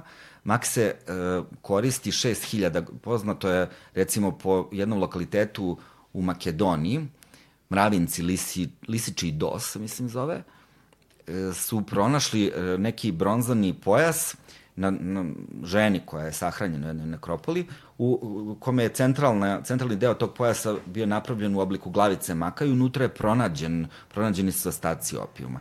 Dakle, 6000 godina pre Hrista mi smo koristili uh, opijum i mak i recimo interesantno je da tek kasnije je čovek počeo da upotrebljava, da gaji zapravo biljke da bi pravio alkoholna pića, prvenstveno pivo, pa tek onda da bi ih jeo. Da. Znači čovjek je to, tako ide naša ovaj, putanja. Ne. Prvo, prvo zabava, pa onda sve ostalo. Ne, nije daleko je to od zabave bilo. To je, ovaj, to je bilo više ovaj, ulaženje i zapravo padanje u trans i stupanje u kontakt sa božanskim, to je zato korišćeno i to je bilo, nikad nije bilo lepo iskustvo, uvek je bilo potresno i snažno, ali nikad nije bilo lepo. Pitija, recimo, se konstantno je koristila psihoaktivne substance, žvakala je list lovora, ali ona, e, to proročište u Delfima se nalazi na prirodnom rasedu dve ploče e, zemljine, naše planete Zemlje i tu ima jako puno prirodnog gasa. Ona je bila svo vreme ovaj, pod dejstvom psihoaktivnih gasova i ovaj, substanciji i onda je davala te svoje proročke vizije. Ali, kažem, nikad to nije bila zabava, uvek je to bilo ovaj, da. nešto drugo. Da, a... E sad, izvini, kad smo kod Kanteriona, ja se nosim idejom da napravim srpsku ayahuasku. To mislim da ćemo vrlo jednostavno da se ovaj, postigne, jer Kanterion će biti to pola mao, inhibitora, a e, recimo u korenu trske se nalazi jako puno DMT-a, dimetiltriptamina. Ima ga i u mimozi. Ima ga u mimozi, to pa jedna u, u, amazonska ta ayahuasca je zapravo ovaj, um, kombinacija jedne vrste mimoze, jedne vrste lijane a ovo, bi, ovo ćemo probati pa ćemo da vidimo. Da, ayahuasca zapravo njen latinski naziv je Banisteriopsis capi. Da, to je da, jedan. Da, to je jedan. To je da. kao ta loza, kao Jeste, neka koja je, se koristi. To je ta lijana loza, da. Da, i sad taj dimet, N-dimetiltriptamin je ono enzim koji postoji kod nas i koji uh, je što se nauke tiče prilično misteriozan, oni dalje ne znam, oni znaju da mi imamo skladište ono, dimetiltriptamina u mozgu, da ga imamo i drugim organima, ali se ne zna njegova prava funkcija. Spekuliše se, pretpostavlja se, ali se ali se zapravo ne zna. Kad kažemo MAO inhibitor, MAO u stvari znači monoaminoksidaza. Tako je. Tako je, ko, to, to je taj enzim koji mi imamo u želucu i onda se on neutrališe i onda, i onda on neutrališe zapravo dejstvo N-dimetatetamina da bi taj DMT bio aktivan, mora taj, ta monoaminoksidaza da se inhibira, to jest da se ona neutrališe i to radi kantarion u ovom yes. slučaju. Što je potpuno ono fascinantno. Ti ja smo zapravo krenuli na to putovanje, ka, jer kako su kako se, kako se pojavio taj talas um, uh, tog nekog new age, nazovimo, tog novog new age, pošto new age, jel te otkriven da. još mnogo davno. Dakle, uh, pojavio se taj trend kao, e, moram da idem u Peru da probam ayahuasku, jer je to jedino pravo autentično iskustvo. A onda smo mi razmišljali da li na našim prostorima zapravo postoji tradicija, istorija korišćenja uh, različitih biljaka, da bi se došlo do razno raznih spoznaja, da bi se čovek izlečio, da bi koristio na medicinske svrhe na najrazličitiji načine i onda smo na tom putovanju zapravo otkrivali da, da. postoji ogromna tradicija korišćenja biljaka sa ovih prostora. E, u vezi sa time, ima jedna zanimljiva stvar koju smo ti ja pričali, koja, koja, koju, na, koju nalazim da je fascinantna, a to je da a, ti imaš teoriju zašto čovek sa određenih prostora treba da koristi biljke sa tog prostora gde se on nalazi, a ne, ne znam, ono, himalajsku so. da, ovaj, zapravo mislim da smo mi um, kao deo jednog ekosistema koji smo odrasli ovde, u vezi sa biljkama koje rastu oko nas. Ja nisam sad ni to ono purista, ne, nikako nećemo, ja upotrebljavam džumbir gotovo svakodnevno, koristim kurkumu, jedno imam u saksiji zasađenu, sam je doneo slučajno ovaj, sa Balija, pa se zaboravio u kesi, pa je ona posle dva meseca proklijala, tako da je ovaj, imam kod kuće. Ali ovaj, uh, prosto nema potrebe za tom vrstom mistifikovanja da nam je sad mnogo bolja gođi borbica u odnosu na borovnicu, recimo. Ne. Tako da nema potrebe za tim, ima mnogo biljaka koje su odavde i koje su zapravo nama mnogo bliže i mnogo primerenije našem načinu života, imamo tradiciju u njihovom upotrebljavanju, mislim da, da se generalno treba upoznati prvo naše, ne treba biti pomodar pa sad ne, ne, ne, ali prosto ljudima nekad je nemoguće da zamisle da može da im pomogne majčina dušica. To im kao ne deluje da to može, jer to košta 273 dinara. I to ne, mislim, kako to može? To mora da bude divlji origano. Sa to, mislim, potpuno se radi o biljkama iz iste porodice, koje sve imaju etarskim uljima timol karvakrol, neka malo više ovoga, neka manje više onoga, ali može da zameni vranilova trava. Hoću da kažem, ne mora uopšte da znači da e, je da. to što nam dolazi iz nekih dalekih... Ljudi imaju vrlo često i predrasudu dalekovite biljke rastu samo na najvećim vrhovima nedostupnih planina, mm. u, ne znam, duboko u šumi Amazonije. Mislim, kako da vam kažem, neke od najlekovitih biljaka koje poznajemo raste od ispred zgrade, kao što je maslača, kao što je bokvica, kao što je rusomača. I o, jako je zanimljivo, sad su krenuo iz Francuske jedan trend, e, ove godine koji je došao u Beograd, baš sam ovaj, ponosan na to, pisao sam o tome, e, to je trend, e, ovo nije trava, gde su botaničari uzeli kredu i pišu, pored svih tih biljčica koje rastu u gradovima iz betona, ni iz čega, pišu kako se te biljke zovu. Aha. I sad ti kad ideš ulicom i video si to hiljadu puta, ali kad vidiš da piše bokvica, ti onda samim tim što si imenovao tu biljku, ti počinješ da je gledaš zapravo kao živo biće. Da, da, da. I mislim, nećeš baš zgaziti u nju i onda ćeš malo imati neki više respekta prema njoj, što mislim da je odlična stvar i jako dobra ideja. I generalno i gradovi veliki su jedni ozbiljni ekosistemi kojima živi mnogo divljih i biljnih i životinskih vrsta. Tako da ovaj, uh, sve to raste kod nas, nažalost, ovde zagađenje tako da ovaj, nije baš pametno te biljke sakupljati i lečiti se njima zbog koncentracije teških metala koje one obično imaju, ali nije loše upoznati ih. Svakako. I kada smo pričali tada, mm, izvinjam se, moram da popije malo vode, ubi me ovaj absint. Mislim da me malo hvata. ubi me zdravlje. ubi me zdravlje, da, ubi me zdravlje. Um, vrlo je zanimljivo ono što sam ja uh, ta, tada, tada otkrivao, to je uh, pitali smo se da li postoji neka lokalna biljka koja ima efekat marihuane. Mhm. -huh. Dakle, a, konoplje, odnosno da, da se drži kanabinoide ili nešto sli, i slično. Dakle, mi zapravo ovde imamo biljke koje su ispolisti... Pelin je prava, pravi primer, jer zapravo tetrahidroksikanabinol i ovaj, tujon deluju ka, do nekle, oni su sličan na ovaj, porodica biljaka, deluju negde ovaj, slično, ali ovaj, jako je zanimljivo recimo i to da konoplja je ovde zaista biljka koja se upotrebljavala hiljadama godina To nije indijska konoplja koja ima dominantno taj THC, koji je jel, halucinogen, a, ali sve vrste konoplje ih imaju neko malo Prvi neko sadržaju. psihoaktivan, nego psihoaktivan, nije halucinogen, da, da, psihoaktivan, da, da. tako je. Ali postoje mnoge druge, mnogi drugi sastojci konoplje koji su neverovatno lekoviti i koji utiču, konoplja zapravo, ta industrijska konoplja koja je uz neke posebne dozvole ovaj, može da se gaji u Srbiji, je izuzetno dobar čaj. Ja bih to posebno preporučio ljudima a, koji muku muče sa multiplom sklerozom, sa glaukomom, ljudi koji imaju problem sa anksioznošću. A, to su izuzetno kompleksan sastav biljka ima i pr potpuno je bezbedna. Dakle, još jednom pričamo o industrijskoj konoplji koja nema delovanje tog Govoriš o CBD-u? Da, CBD, CBG, ima nekoliko tih ovaj, da. um, tih, tih jedinjenja za koje je prosto dokazano da deluju antiinflamatorno, protivupalno, dakle, i vrlo su korisna ovaj, za naš organizam. Jako je dobro, recimo, ulje od konoplje, ali to je ono, ne pričam sad o etarskom ulju konoplje, koje ima ovaj, psihoaktivne substance, već pričamo o masnom ulju konoplja, koje je recimo odlično za negovanje kože, možete mm. pravite super recimo balzam za usne od toga. Jako je dobro i kvalitetno ulje da ga koristite u hrani, možete da ga kupite u prodavnici zdrave hrane, ali ono potpuno legalno. E, a, a hmelj? E, da, hmelj spada isto u tu grupu ovaj, biljaka. Hmelj je jedna štitarica koja se prvenstveno nama poznata po tome što se dodaje u pivo I pre nego što je hmelj stigao na naše ovaj, uh, prostore, pelen se dodava u pivo. Aha. Da, i to se koristi da bi se to pivo, uh, prvenstveno je počela upotreba hmelja kao konzervansa, dakle, da se to pivo ne bi pokvarilo. Uh, I da bi mu se doterivao ukus, ali prvenstveno da se on ne bi pokvarilo. Pivo se nekada pilo mnogo više, jer je voda bila E, prilično nesigurna i vrlo često zagađena i onda je u mnogim e, područjima bilo mnogo bezbednije da se pije pivo ili vino nego voda. I kada se voda pila, ona se mešala sa vinom, upravo da, zbog tih čestih epidemija kolere, tifusa i tako dalje. Recimo, postoji podatak da kraljica Elizabeta pila šest e, krigli piva u toku dana. Ona je pila vodu, nego je šljemala to pivo.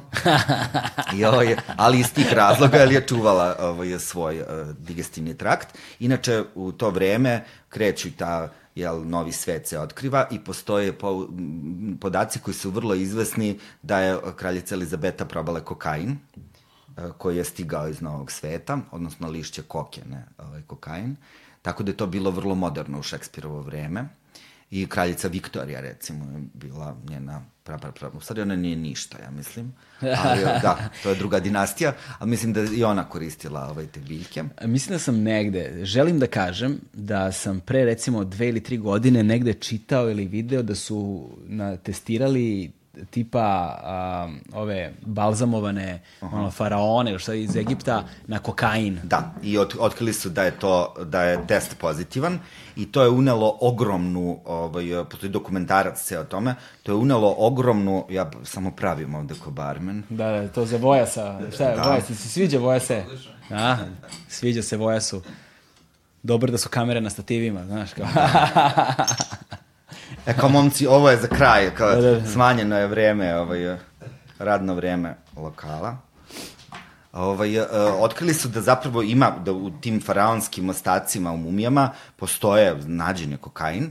E sad onda nije bilo pouzdano, postoje dve teorije, da li su uh, Egipćani uspeli da dođu do novog sveta i do kontakta sa biljkom koke, ili je postojala u Egiptu neka biljka koja više ne postoji, koja je imala u sebi ovaj, kokain kao alkaloid, to sad je misterija, ne znamo šta se to desilo. Mislili su u početku da je to zagađen materijal od nekog ko je to uzimao, davao, međutim, ovaj, izgleda da je to ovaj, um, da. Da, je, da je to tako. Ali, mislim, mi imamo tu tako ovaj, glupu ideju koju su nam prosvetitelji ovaj, usadili, a to je da mi kao naše društvo konstantno ide uh, ovaj, ka nekom napretku progresivnom, da to mi samo kao civilizacije, kao društvo idemo kao samo napred, napred, napred, zapravo ne, mnogo mi je bliža ta teorija kulturnog razvitka ciklična, da se mm. uh, sve to dešava u ciklusima, jer postoje ogromna znanja o kojima mi ne znamo ništa.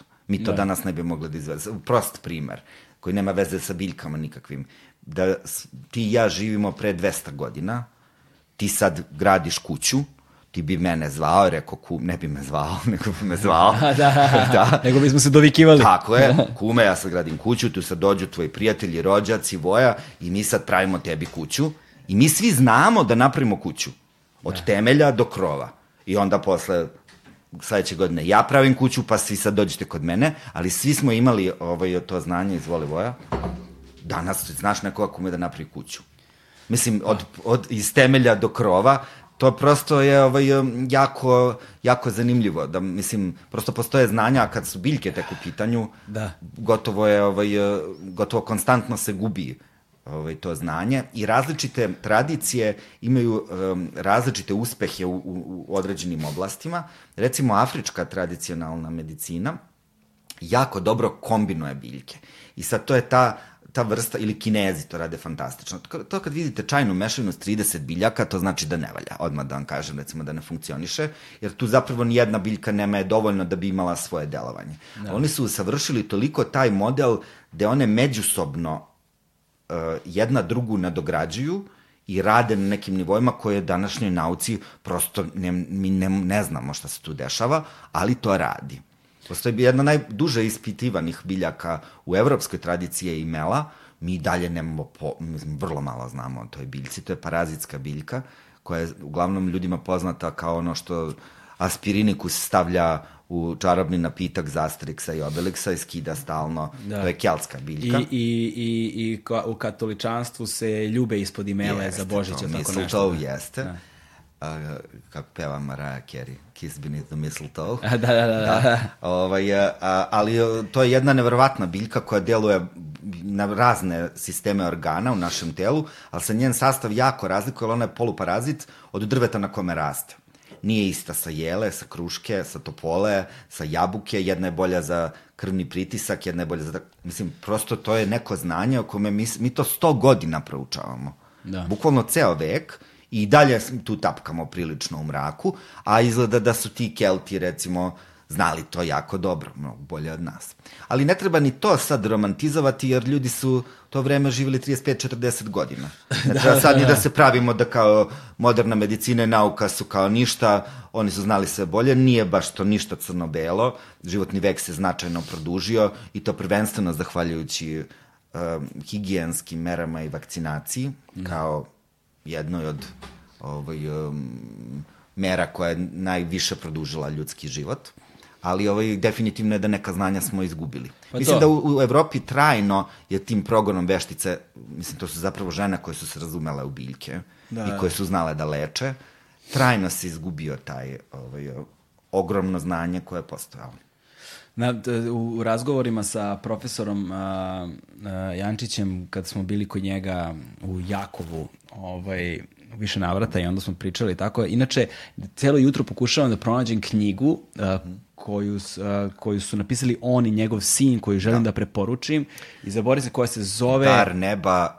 Um... Dar neba ili... Ne, Dar neba još jedan deo ima, skoro... Juče Sve, ili Cveće čitao. zla, jel Cveće tako? zla, Dar neba, recimo. Dar neba ili Cveće zla, jel tako, tako nešto? Imam i ja knjigu. Da, ovaj... koja je zapravo klasifikovala sve uh, psihoaktivne biljke koje rastu na našem podneblju sa fotografijom biljke kako izgleda, sa njenim yes. dejstvom, gde može se nađe, njenom morfologijom i tako dalje. Jedna vrlo korisna knjiga. Uh, to je zapravo, znam, poznato mi je jedno izdanje koje nije bilo u velikom broju primjeraka. Ja mislim da sad sam baš skoro, smo se dopisivali na Facebooku i da sam video da je drugo izdanje krenulo i to bukvalno sad. E. Nemojte me držati za reč, ali mislim da sam tako sam razumeo. Može da, da se desi knjiga je vrlo dragocena, toplo preporučujemo svim. Tako da, a ja ako uspem da je nađem, stavit ću link u opisu videa da možete da je poručite, da je kupite, ukoliko možete da je nađete. Koga zanimaju ovakve teme, mm -hmm. mislim da je zaista zanimljivo štivo, ali uh, sećam se kad smo sedeli kod njega baš onda on meni priča kako je zapravo uh,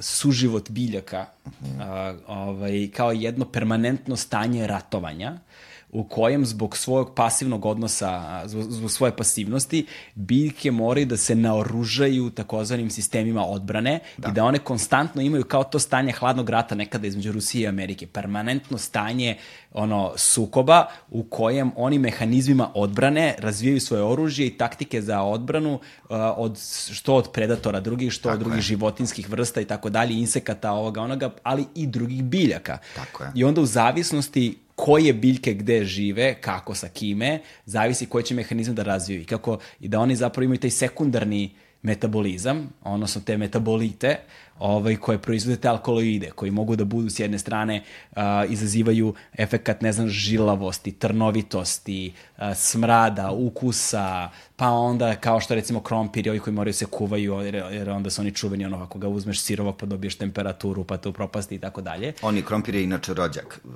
tatula bunike, Zaista, da. Velebilje, to je ista porodica. Paradajz, patliđan, paprika, to duvan, to su sve biljke iz iste porodice. I to od čega dobijaš temperaturu od sirovog krompira je solanin, je drastično blaža varijanta atropina, hioscijamina, deluje istim mehanizmom. Ali istim mehanizmom deluje, da. da. Slično. I zapravo uh, efekat ayahuaski, onih ljudi koji znaju uh, kada ti se, ne znam, povraća, deficira i salivacija i tako dalje, to je zapravo kada ti parasimpatikus, deluje na parasimpatikus koji počne da trokira i ti zapravo ne znaš šta je, da. Ne znaš šta se dešava i više prestaš da kontrolišeš te nevoljne funkcije u organizmu. Da, ali nije to, ljudi vrlo često misle i plaše se da je to potpuno nevoljno, da, da, da, da, da. to uopšte nije baš tako. Mislim, vi osjećate te porive, ali nije to nešto što ne možete da, da kontrolišete u najvećem broju slučajeva. Da, povraćanje je malo da. problematično, da. barim je u mom slučaju to bilo. Ovaj, moraš odmah da, ono, ist, ali nije sad baš da ćeš da povratiš po sebi na licu mesta, da. ali ono, prilično je urgentno, kao moraš da odeš odmah, a što se tiče to, kao deficiranje i slične stvari, on, to je ono, odeš tamo, staneš do toaleta, lepo da. sačekaš red, znaš, da. nije nikakva frka. Ovaj, jako je zanimljivo to kako biljke se to taj hladni rat, ali ne samo hladni rat, biljke zapravo vrlo komuniciraju međusobno, oni imaju neku vrstu socijalne države, to bi možda najbliži termin bio, jer recimo kada je, to postoji u šumi, jer u šumi e, sva stabla međusobno, pričamo o divljim šumama koje su tu nastala spontano i tako dalje, stabla međusobno mikorizom u kombinaciji sa gljivama koje u šumi rastu komuniciraju. I sad, Ako nekome treba više hranljivih materija, korenovim sistemom ostali mu to dodaju. Ne. I onda mu pomažu da preživi da ostane duže živ. Zato recimo im postoje situacije da su neki panjevi koji su odsečeni, 10 godina su odsečeni, nemaju više dakle svoje listove, ne mogu da proizvode fotosintezu i dalje su živi zahvaljujući tim okolnim stablima koja sa njima komuniciraju. Jako mi je bilo zanimljivo recimo kada sam pročitao da kako bukve vaspitavaju svoju decu. Jer ovaj, kad padne žir bukve s majke i on padne i nikne sad dete bukva, e, majka to gleda da to bude baš ispod nje, da bi se on ne bi mogao da jede mnogo slatkiša fotosintezom, nego se nalazi u njenoj esenciji i on se postepeno polako razvija i treba mu mnogo više vremena nego kad bi to taj žir bukve posadio na neku livodi i onda ona džiglja, da, da. ali samim tim što raste tako polako to drvo je mnogo zdravije, ima komunikaciju sa svim, drug, svim drugim drvećem u šumi. Mislim sad vaspitavanje možda Jasne, ovaj, da. karikiranje, ali je vrlo ovaj, interesantna stvar i bukve planiraju svoje razmnožavanje. Mm -hmm Jel to se ne dešava svake godine? I onda one e, znaju da kada se desi to, da onda krenu divlje svinje i pojedu sve te žirave, ali i onda nema novih, jel?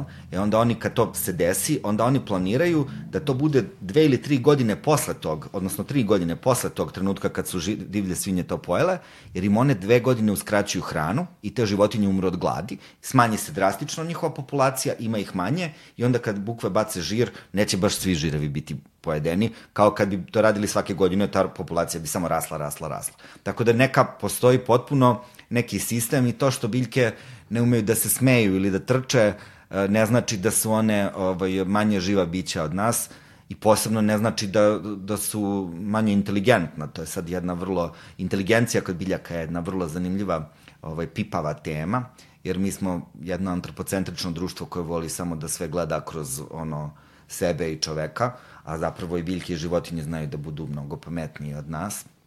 Jako je zanimljiva recimo tema kako životinje upotrebljavaju lekovite biljke, mm -hmm. jer životinje instinktivno znaju, ko, recimo pas koji ima crevne parazite tačno zna koju biljku će da jede i pas je jede ili mačka i onda se, onda se prosto ti paraziti nestanu. Prosto imaju instinktivno ovaj, um, to znanje usađeno. Genetski, genetski nasleđeno A, da. znanje. Da. E onda zato tu se vraćamo na onu teoriju kako mi znamo da je neka biljka lekovita. Možda je to pokušaj a, pogreška, možda je to neko znanje, možda je to genetski prenešeno, to je sad pitanje na koje nemamo baš odgovor. Da, definitivno. Ovaj, u vezi sa time bih voleo onda da pomer, pričamo malo sada kao etimologijama tih naziva nekih biljaka. Mm -hmm. kako imena biljaka otkrivaju zapravo priče koje stoje iza da. njih A, recimo, ne, ne znam, na primjer, sećam se da smo pričali o onom Ra- Raskovnjak veše. Raskovnik, aha. Rasko, Raskovnik. Tu se vraćamo na onu priču o povezanosti biljaka i metal, nastanka metalurgije. Da. Jer zapravo raskovnik je biljka koja se po narodnom verovanju, kada je nađete, niko ne zna kako ona izgleda, možda se nađe jedan dan u toku godine, jer je orao vadi, nosi sa mladuncu, onda ti brzo pritrčiš tome pa izvadiš taj koren. Tako, ima prosto cela bajka, odnosno legenda o tome. Ta biljka je poznata po tome što može da otključa svaki lanac ili katanac i zato se zove raskovnik, jer raskovljava to ali ona generalno upućuje na tu vezu između šamana, čarobnjaka i pravljenja, pretvaranja rude u metal i zapravo najbliži um, saradnik i najbliža profesija jednom šamanu bi bio kovač. Mm -hmm. I ovaj, vrlo često su i u tim drevnim mitologijama ti bogovi kovači, Hefest, recimo, oni su hromi i otuda zato je ta veza i sa Jarebicom, tu se vraćamo Da, da, na da. Vučedol, jer ovaj, e, mužijak Jarebice u toku e, te sezone parenja ko, hoda vrlo čudno, izgleda kao ono, the range, malo neko ko je podejstvom neke psihoaktivne substance, a zapravo ćopa na jednu nogu, to tako deluje.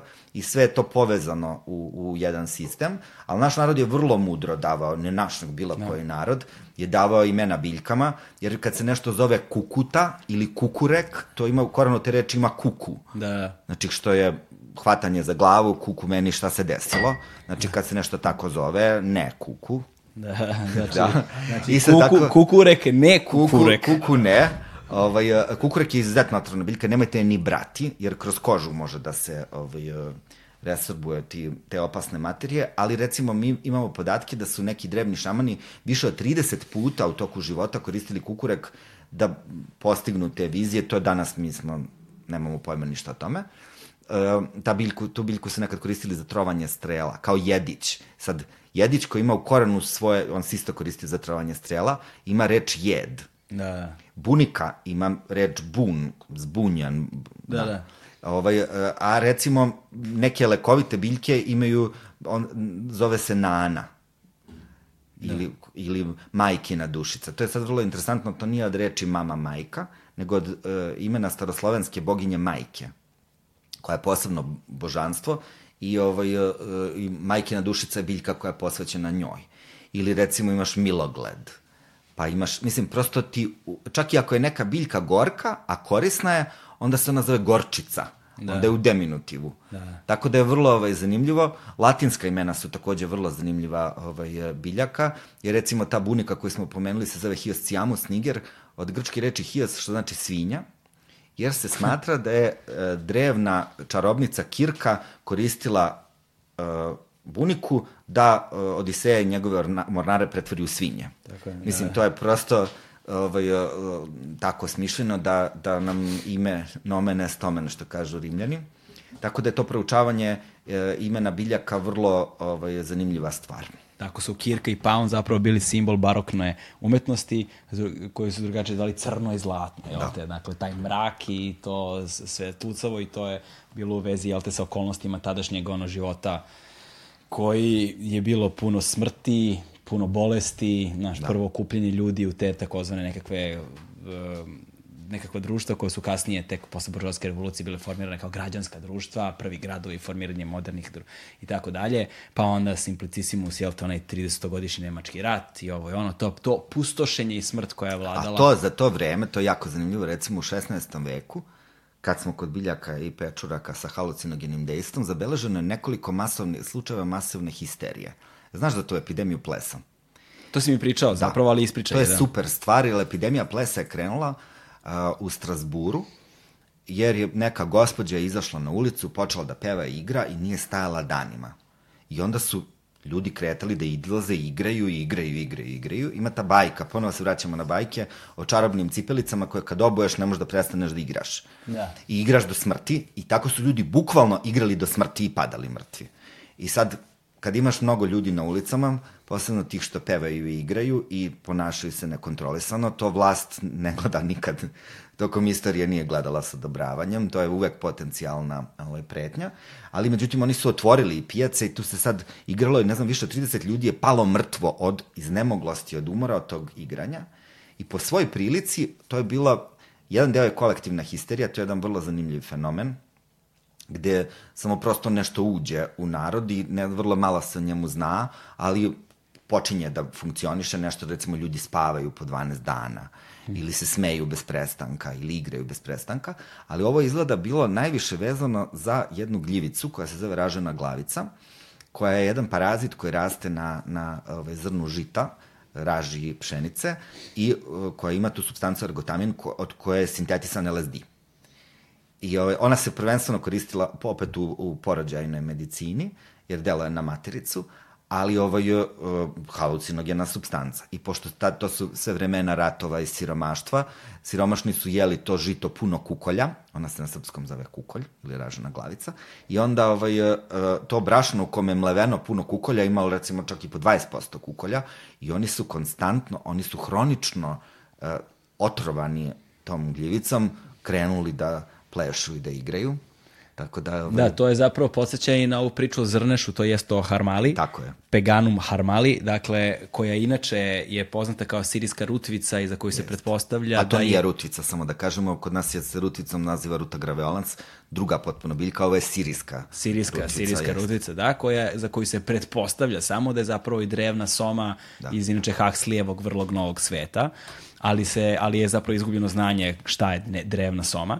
I, I isto kao što su ove tkalje a, a, koje su zapravo jer se dobio pigment taj crvene boje koji se inače teško dobija i do, dobio se iz, iz cveta i iz ploda harmale koji su trljavili tkaninu, pošto je njih bilo više i one su kada su jele hotimice unosile zapravo Jest. preko prsti u to i isto imale kolektivno, kolektivno iskustvo. iskustvo da. letenja. Da. Le, kolektivno, kolektivno iskustvo letenja. Tako da treba vrlo biti obazriv prema kolektivnim iskustvima, da. E, jer vrlo verovatno znači da je veliki broj ljudi nešto uneo. Evo, pogledajte samo rejvove, na primer.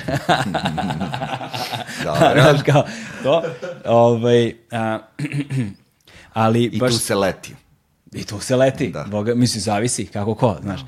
Ali neko isto, i propada, da. Da, neko i propada. Zavisi šta je u posredi, da. znaš. E, ovaj, baš si, malo pre kad si pomenjao Hermesa, setio sam se ovaj, nevezano potpuno za to, nego kao mali ekskurs, a, kako je nastao mito o Hermafroditu, u stvari. Hermes je bio oženjen Afroditom i dobili su sina koje, za, koje je podjednako bio lep Hefest, na... Hefest, Hefest, Hefest, Hefest, da. Je. Hermes je drugi bog. Her, Hermes, a ovo je Hermes, da, kao, da. onda sam pobrkao, nema veze. Ali Hermafrodit je da, sin Hefesta i Afrodita. Da, da. E, i ovaj, a, koji je bio podjednako lep na oca i na majku. Mm -hmm. I onda je dobio polo, ime pola uh, Hermafrodit, mm -hmm. jel te? I, ovaj, I onda je bila ta a, mu, ne muza, nego kako se zvala, a, u jezeru, u toj blizini Bodruma današnjeg koja je živela, pa kad se on ogledao u jezeru, onda se ona zaljubila u njega, tražila od Zevsa da ih nekako spoji, onda kad je on ušao da se okupa, pogodio je munjom u jezero i onda on izašao kao muškarac, jel te, ali sa kao, kao karakt, polnim karakteristikama oba pola i pretvorili su ga u boga zapravo i u to vreme, to se govori o toj demonizaciji a, rodnih i polnih identiteta koje danas živimo, jer u to vreme a, se to smatralo najboljim od oba sveta i zapravo on je bio slavljen kao božanstvo. A danas... Jako se menjaju ti kriterijumi mm. ove, lepote, poželjnosti, um, društvene prihvatljivosti. Društvene prihvatljivosti, to je jedna vrlo ove, fluidna kategorija, zavisi jako od društva do društva. Tako da, ovaj, um, mi kad bi, kako se čak i u samoj Grčkoj, to, to da. se vrlo razlikuje, mi sad kad bi uh, diskutovali o tome šta su bili ideali, kako se ponašalo u Sparti, to nama, mi to danas idealizujemo, to je jedno društvo vrlo strogo u kome dete kad se rodi, ako ima neki neku anomaliju, ona se baca sa planine jer se smatra bolje da se njegov život da. završi sad i tako. Ali ovaj, um, a dok su neka druga, rimljani su recimo bili isto, neželjena deca su bacana na smetlište, stariji ljudi umiru, ti nemaš istimator, nemaš više šta, imamo doprinos tvoj nikakav nula, a, dok su recimo Kelti imali potpuno drugi sistem i oni su inkorporirali sve te slabije od mm. sebe na neki način ovaj, hendikepirane fizički su bukvalno mnogo više inkorporirali u svoje društvo. To sad sve zavisi naravno da. od toga o koje ovaj, civilizaciji govorimo. E sad da se vratimo malo na tebe i tvoj život.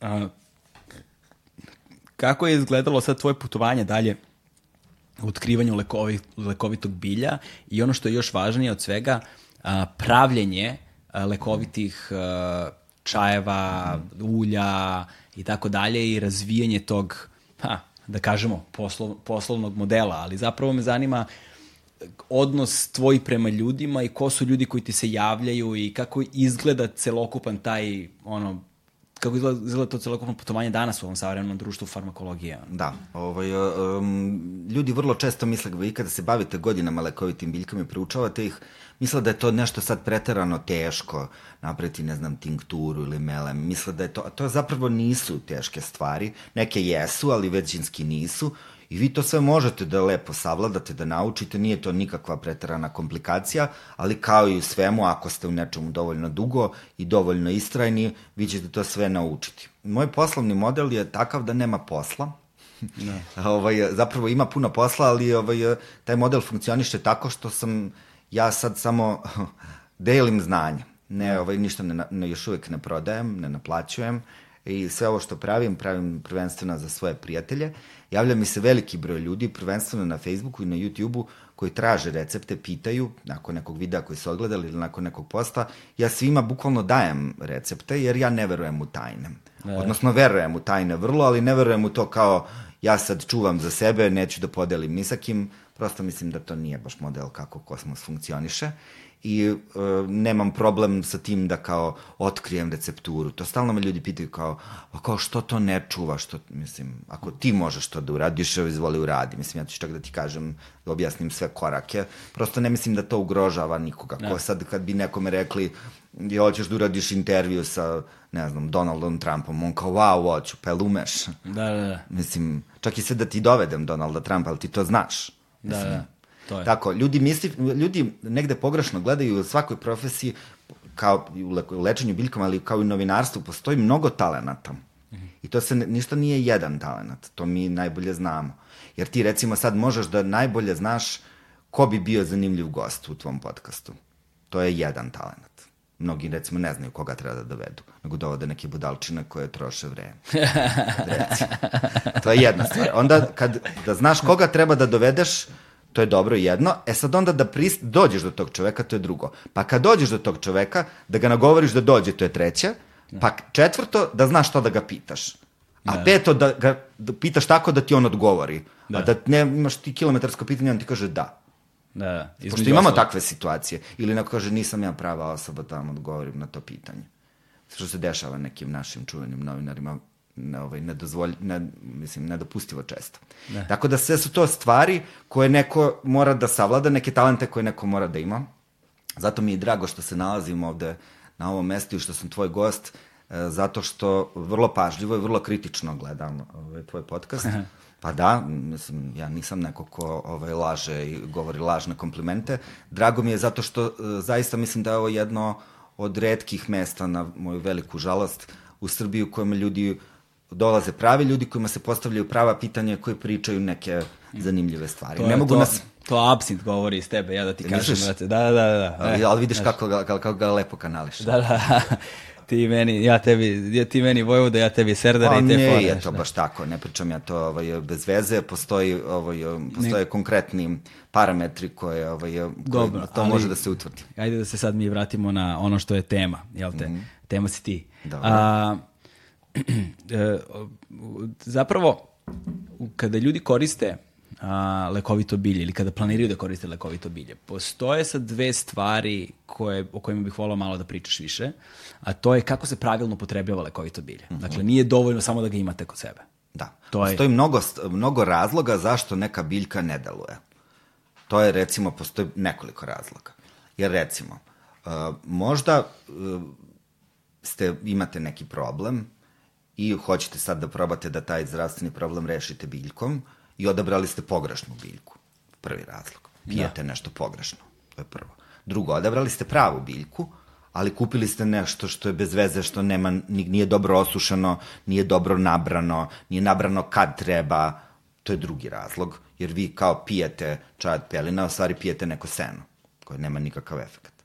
Treća stvar, ako sad imate dobar pelin i pijete čaj od pelina, koji zapravo stvarno može da vam pomogne kod vašeg problema sa želucom. Ne možete očekivati da ste popili jednu čašu pa će vam biti, ovo mene ne pomaže. Ne može. Morate da ga pijete u određenom intervalu. Morate da ga pijete u određenoj količini.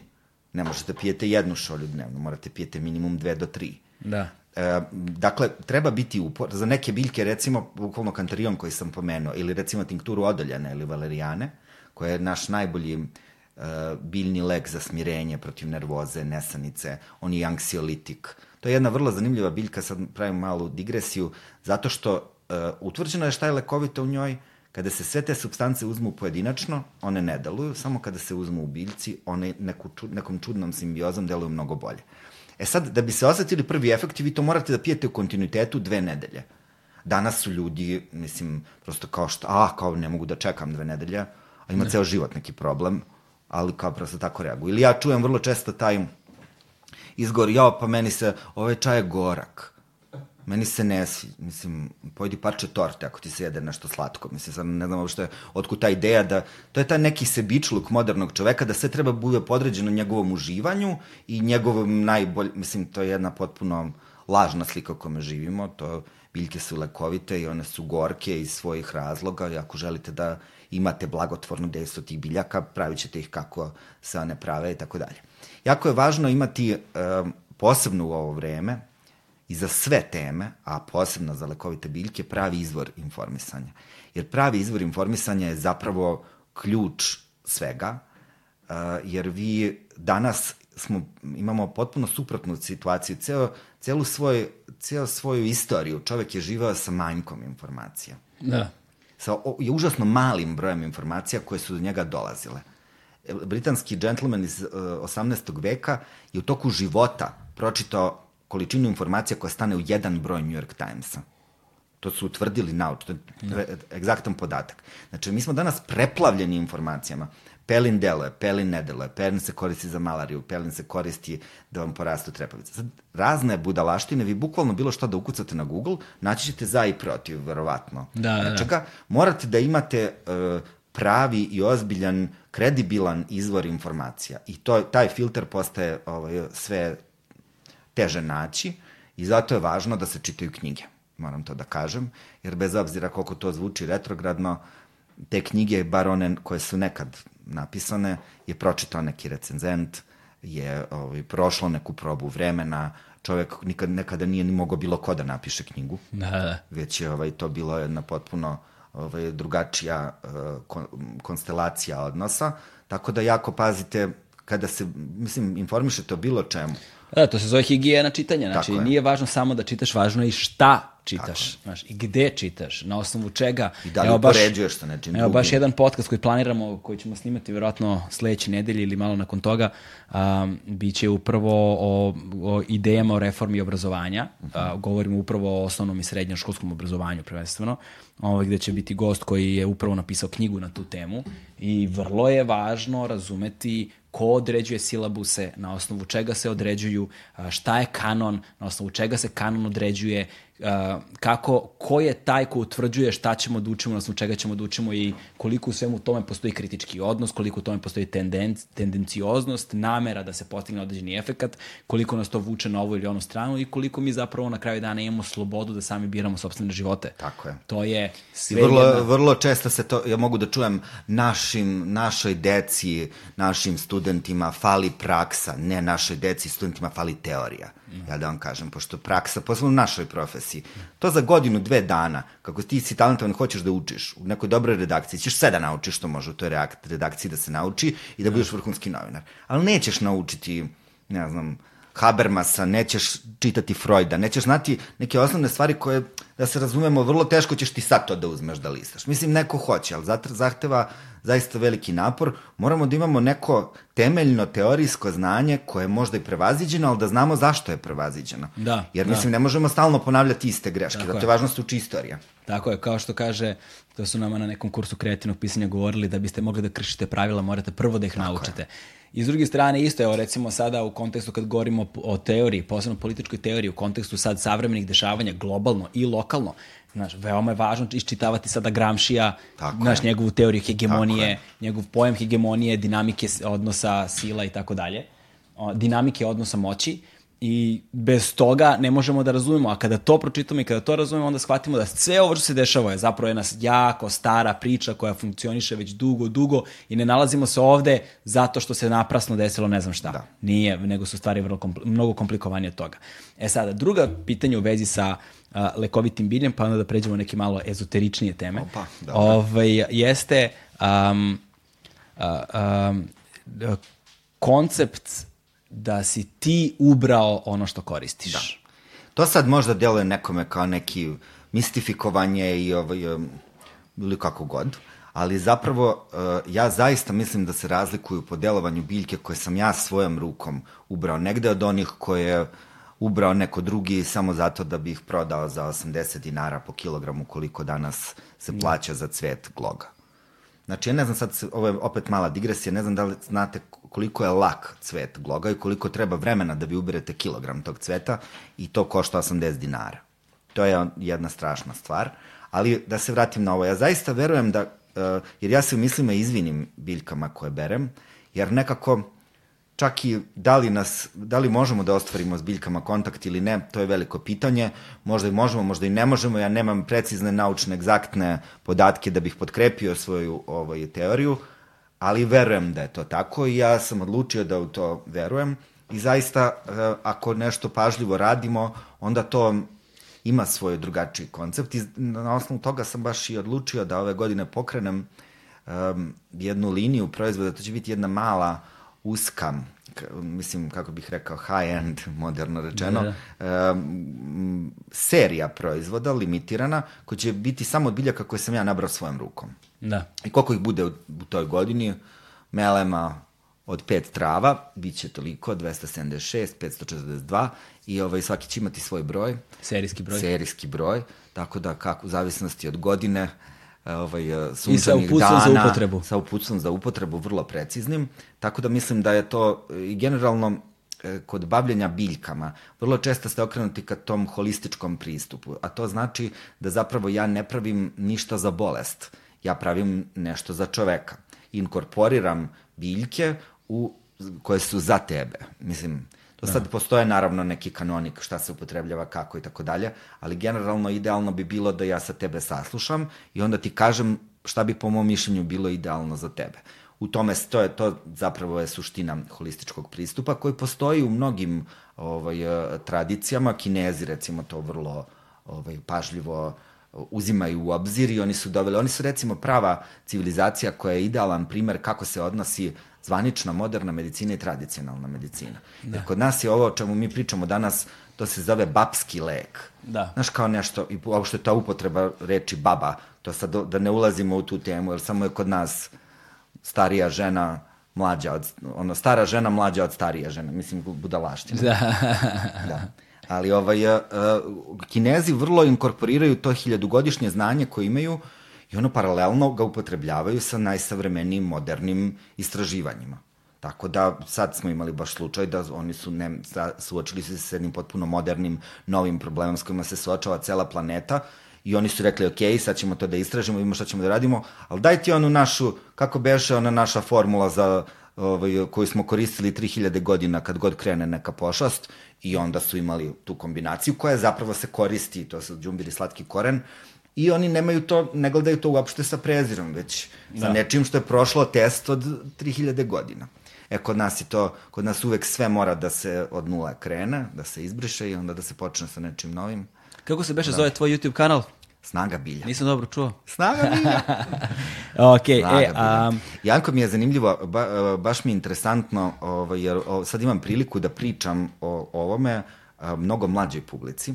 Jer ovo gledaju ljudi koji su naši godine ili mlađi, a ljudi koji gledaju moj kanal su vrlo malo ih ima naših godina i stariji. Da. Pa me baš zanima da li će, ovaj, da li će ove teme biti zanimljive Pa verujem da hoće, znaš, zato što meni se, čest, meni se dešava posebno od kako sam radio dokumentarni kratak taj a, ovaj, uradak, mm -hmm. jel te, dokumentarni uradak a, o ayahuaski koji je, jel te, bio emitovan ono, na nacionalnoj frekvenciji u prime time-u, ne? I, o, I onda, e, to je prošlo, eto, 4-5 godina od tada, i ljudi ne prestaju dan danas da mi pišu. Ja dnevno dobijem 20-30 poruka, dnevno dobijem, ovaj, traže kontakt sa šamanom, ovo ili ono. I onda je meni uvek jako baš teško, ne odgovorim ni na jednu od tih poruka, a, zato što a, bih bio licemer koliko bih odgovorio jednoj osobi, a ne bih drugoj, ali s druge strane ja te osobe ne poznajem, znači, i onda ne mogu da znam šta je priroda njihovog I to je ogromna odgovornost, da ti daješ bilo kakve savete te vrste Znaš, nekome nis- koga... niti osoba koju poznajem. I ono što sam primetio, to su dve, dve stvari sam primetio se dešavaju često, jeste osoba napiše, "E, zdravo, gledala sam ili gledao sam i onda kreće i onda ide ono, cela strana, znaš, patimo depresije, imamo ovakve onakve porične odnose i ti zapravo vidiš iz celog tog da ne traži ta osoba tebi kontakt sa šamanom, nego ta osoba traži neko Kontakt. Mislim, kontakt, zapravo ljudski bilo kakav, kontakt, da. znaš, neko ko ima potrebu da se izjada nekome da to sasluša. Da. Znaš, tako da nekada vam je neophodan razgovor, nekada vam je neophodna ono, ljubav, nekada vam je neophodna majka, nekada vam je neophodan zagrljaj, znaš, nije ayahuasca Nekada odmah... kantarion. Nekada kantarion, znaš, nije odmah... Ako ste u Švedskoj. Da, da, zimi. da, da. Nije, nije odmah uh, ayahuasca to što ti treba, znaš. Ovaj, ali s druge strane, takođe, onda smo posle toga mi radili i onaj serijal Psihoaktivne Srbije. Ovaj, I tada su počeli masovno ljudi takođe da mi se javljaju, tražeći, i to su uglavnom mladi ljudi, ovaj, koji traže odgovore na svoja pitanja. I to je ono što ja mislim da je najmanji zajednički sadržalac svih nas, nije važno kog uzrasta, Naravno. znaš, nego prosto možda po inerciji, zbog nasledđa nekog koji je bilo do pre 20-30 godina, ta neka starija populacija i dalje traga kroz lekovito bilje ili je možda lekovito bilje nešto za što je potrebno malo vremena u životu da bi ušlo u tvoju Ne, i svakodnevnicu. kad si zdrav, onda ne razmišljaš o preventivi, je. ima i to vrlo... Ali kad si pomenuo ovaj serijal koji smo radili zajedno, meni je jako bilo interesantno, ja sam imao potpuno pogrešnu predstavu kome će to da se svidi. Aha. Mislim, ne potpuno, ali jednim dobrim delom pogrešnu, jer nisam uopšte mogao, pocenio sam neke ljude, jer nisam uopšte mogao da verujem da će to da se dopadne onom um, recimo ne, ženi koja, s kojim svaki dan se viđam, koja radi u ideji, koja može da mi bude majka, Da, mislim, da. za, koja je jedna divna žena, nemojte da, ne, ne bih volao da me neko pogrešno shvati, nego prosto nije mi to delovalo kao sadržaj koji će nju da interesuje uopšte Da, da, da. i koji će da održi pažnju, ali ovaj očigledno jeste, tako da mnogo ljudi ima koje onako na prvi pogled koliko smo zapravo i, i mi svi žrtve stereotipa, mi je to baš bilo iznenađenje kome je to zanimljivo, kome je to... S jedne strane to, a s druge strane meni se ja- javio ogroman broj mladih, posebno kada je psihoaktivno bilje u pitanju, ali to moramo da razumemo iz jednog vrlo konkretnog konteksta. Um, a, ljudi su usamljeni. Znaš, mi živimo u najpovezanijem vremenu u istoriji civilizacije, Da. ovaj, kada ne možeš da provedeš ono 15 minuta bez neke, neke interakcije, nekog kontakta sa, sa celim svetom kroz društvene mreže i internet, a usamljeniji smo nego ikada ranije. Da. Znaš, tako da ljudi traže odgovore na ta pitanja, ali vrlo često i ne umeju svoje probleme da nazovu pravim imenom. Znaš, tako da misle, imenuju ga na neki način što je vrlo pogrešno, da stvore pogrešan odnos i onda traže i pogrešna rešenja Da. Koje ne mogu. Tako da je to je upravo kao ovo sa lekovitim biljem što si ti govorio. Dakle, možda si uzeo pogrešnu biljku za, za problem koji želiš Tako da je. rešiš i naravno da ne funkcioniše. Moraš prvo da lociraš i utvrdiš Da. šta je. Šta Iako je još jedna važna stvar koju bi, ne bih volao slučajno da preskočimo. Ne bih volao da me ljudi pogrešno razumeju da je e, da sve ovo o čemu ja pričam je apsolutna alternativa zvaničnoj medicini. Zaista to ne mislim. Da. Niti to bilo kome preporučujem. I zaista, ako imate neki problem, posebno koliko je u pitanju ozbiljan problem, idite kod doktora. Nemam, kako da vam kažem, nisam uopšte taj koji kao, ja nikad ne idem kod, mislim, prosto ne mislim da, zašto ne bismo iskoristili sve prednosti koje trenutno imamo. A, I kada, go, uvek kada govorim o biljkama, volim da naglasim da je to odlična preventivna stvar, prvenstveno, koja može da vam pomogne da se ne razbolite. I mi mislim da mnogo treba da se govori, govori o toj um, kulturi prevencije u našoj zemlji, jer ovaj, svi treba da se trudimo da u, uh, u naš svakodnevni život uh, uvrstimo neke zdrave navike. Da. Da. Počneš dan sa šoljom čaja od zove i majčine dušice, kao ja recimo. I ovaj, Ja i, počinjem dan sa jabukovim sirćetom. pa, i to je isto super stvar. Ali ne Tako industrijskim. Da, pa da, naravno, to je sad već sad posebna stvar kao što imam problem sa čajima s filter kesica. Mislim, to je sad vrlo pitanje kako ovaj. Ljudi zato, zato recimo vrlo su pocenjene biljke kao što su nana i kamilica, zato što su to one najčešće biljke u filter kesicama. Kad probate da osušite sami svoju nanu i kamilicu, pa to popijete, prvo ćete vidjeti da se to diametralno razlikuje ukus, razlikuje se miris, razlikuje se delovanje na kraju krajeva jer su to biljke koje imaju svoje nevrovatno delovanje i mogu da vam pomognu kod nekih prilično ozbiljnih ovaj, situacija. Tako da, opet se tu vraćamo na kvalitet, važno je da znate šta upotrebljavate, pa, to, to bude kraju, dobro. To je na kraju dana, to je isto jedan od gostiju koji planiram da dovedem kada pričam, pričam sa prijateljima koji, e, koji su vlasnici uh, vrhunskih restorana. I onda kada ga pitam to, kao kako postižeš kon, ono konzistentan ukus, kvalitet, to on kaže, prva i osnovna stvar, kvalitet sastojaka koju uzimaš. Da. Ti moraš da imaš poverenje u onoga ko ti dostavlja te sirovine. Ima narodna poslovica, ona prosto o tome. Da. ne može pita odgovana, tako da mora toliko da bude, da. to, to, to. Tako da prvo počinjemo odatle, pa onda sve ostalo. Nije, ne, ne znači da su druge stvari u, u lancu to manje važne, ali mm -hmm. da se razumemo da je sirovina osnovna, mora da bude kvalitetno u pravom trenutku na pravi način.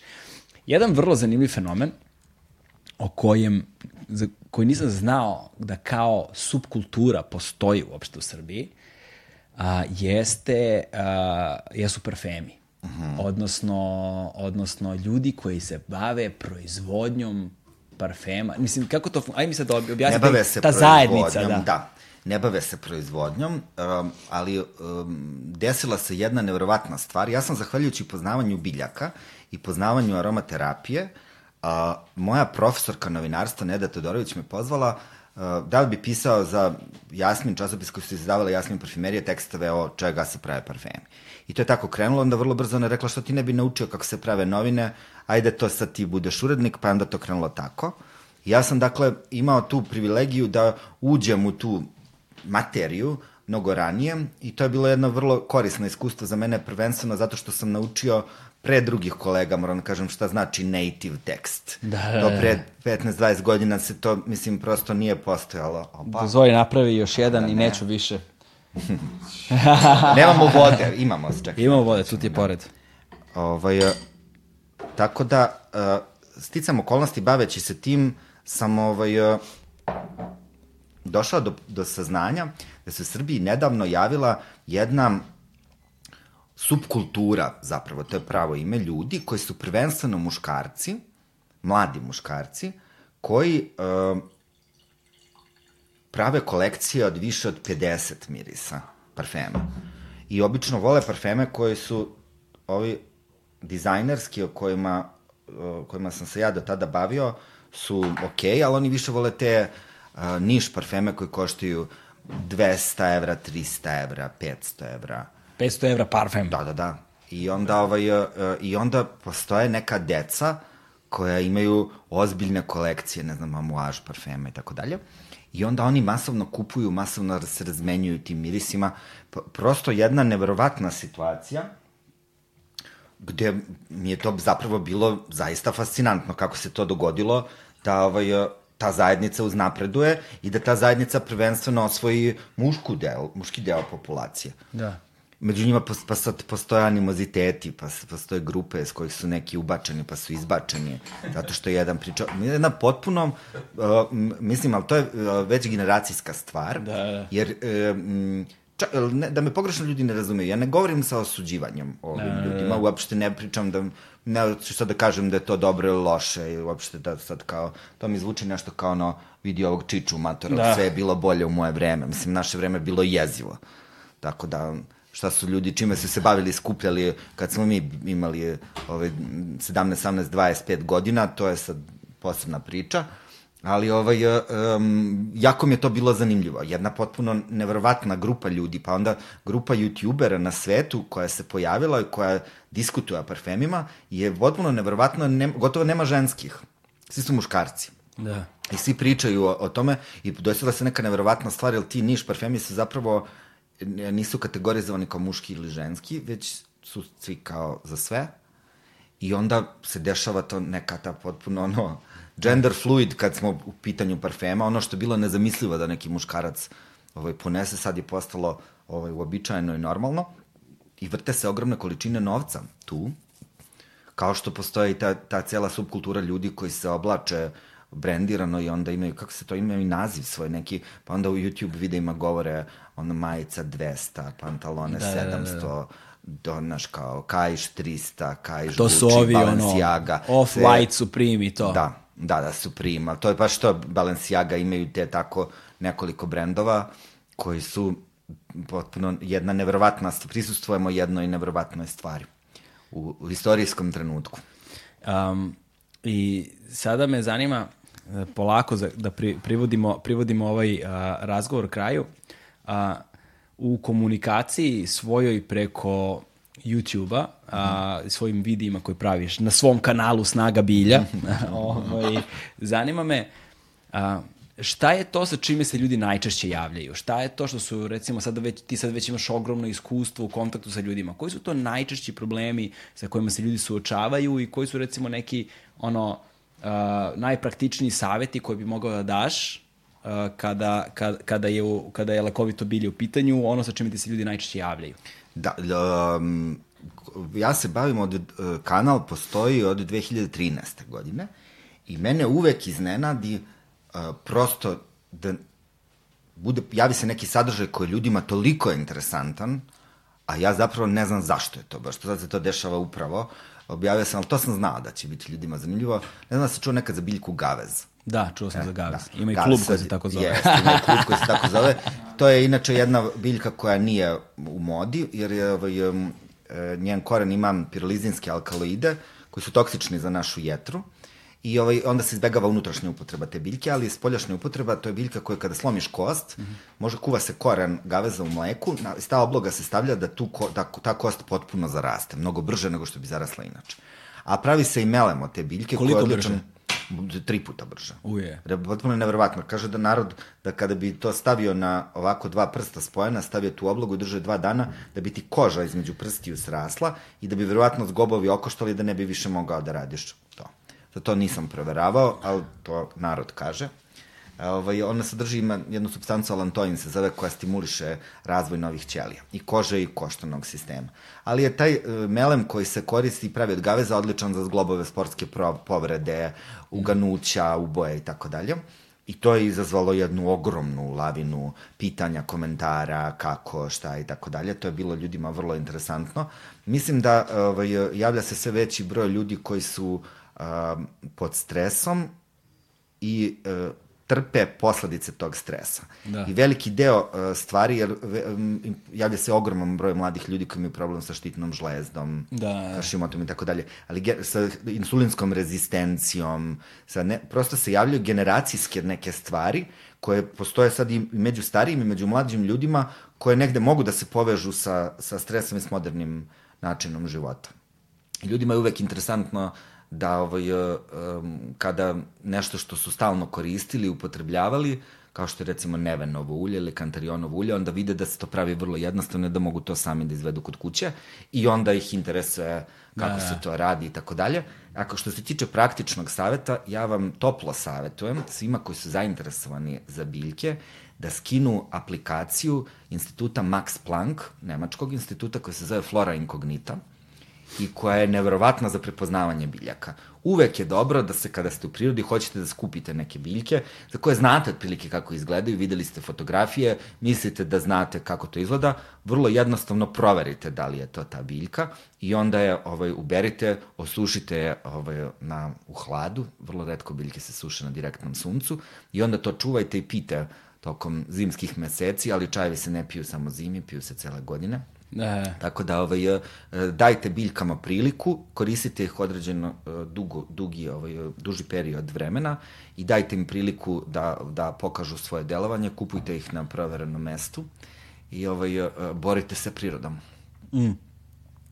I još jedna stvar, kad smo već kod toga, a, a, u vreme ove pandemije, a, jel te, korone, a, dešava se, dešava se to da stalno govore, stalno ponavljaju, stavljajte maske, rukavice, dobro, rukavice više ne pričaju, ali maske definitivno, ono, iz, iz, izolacija i tako dalje.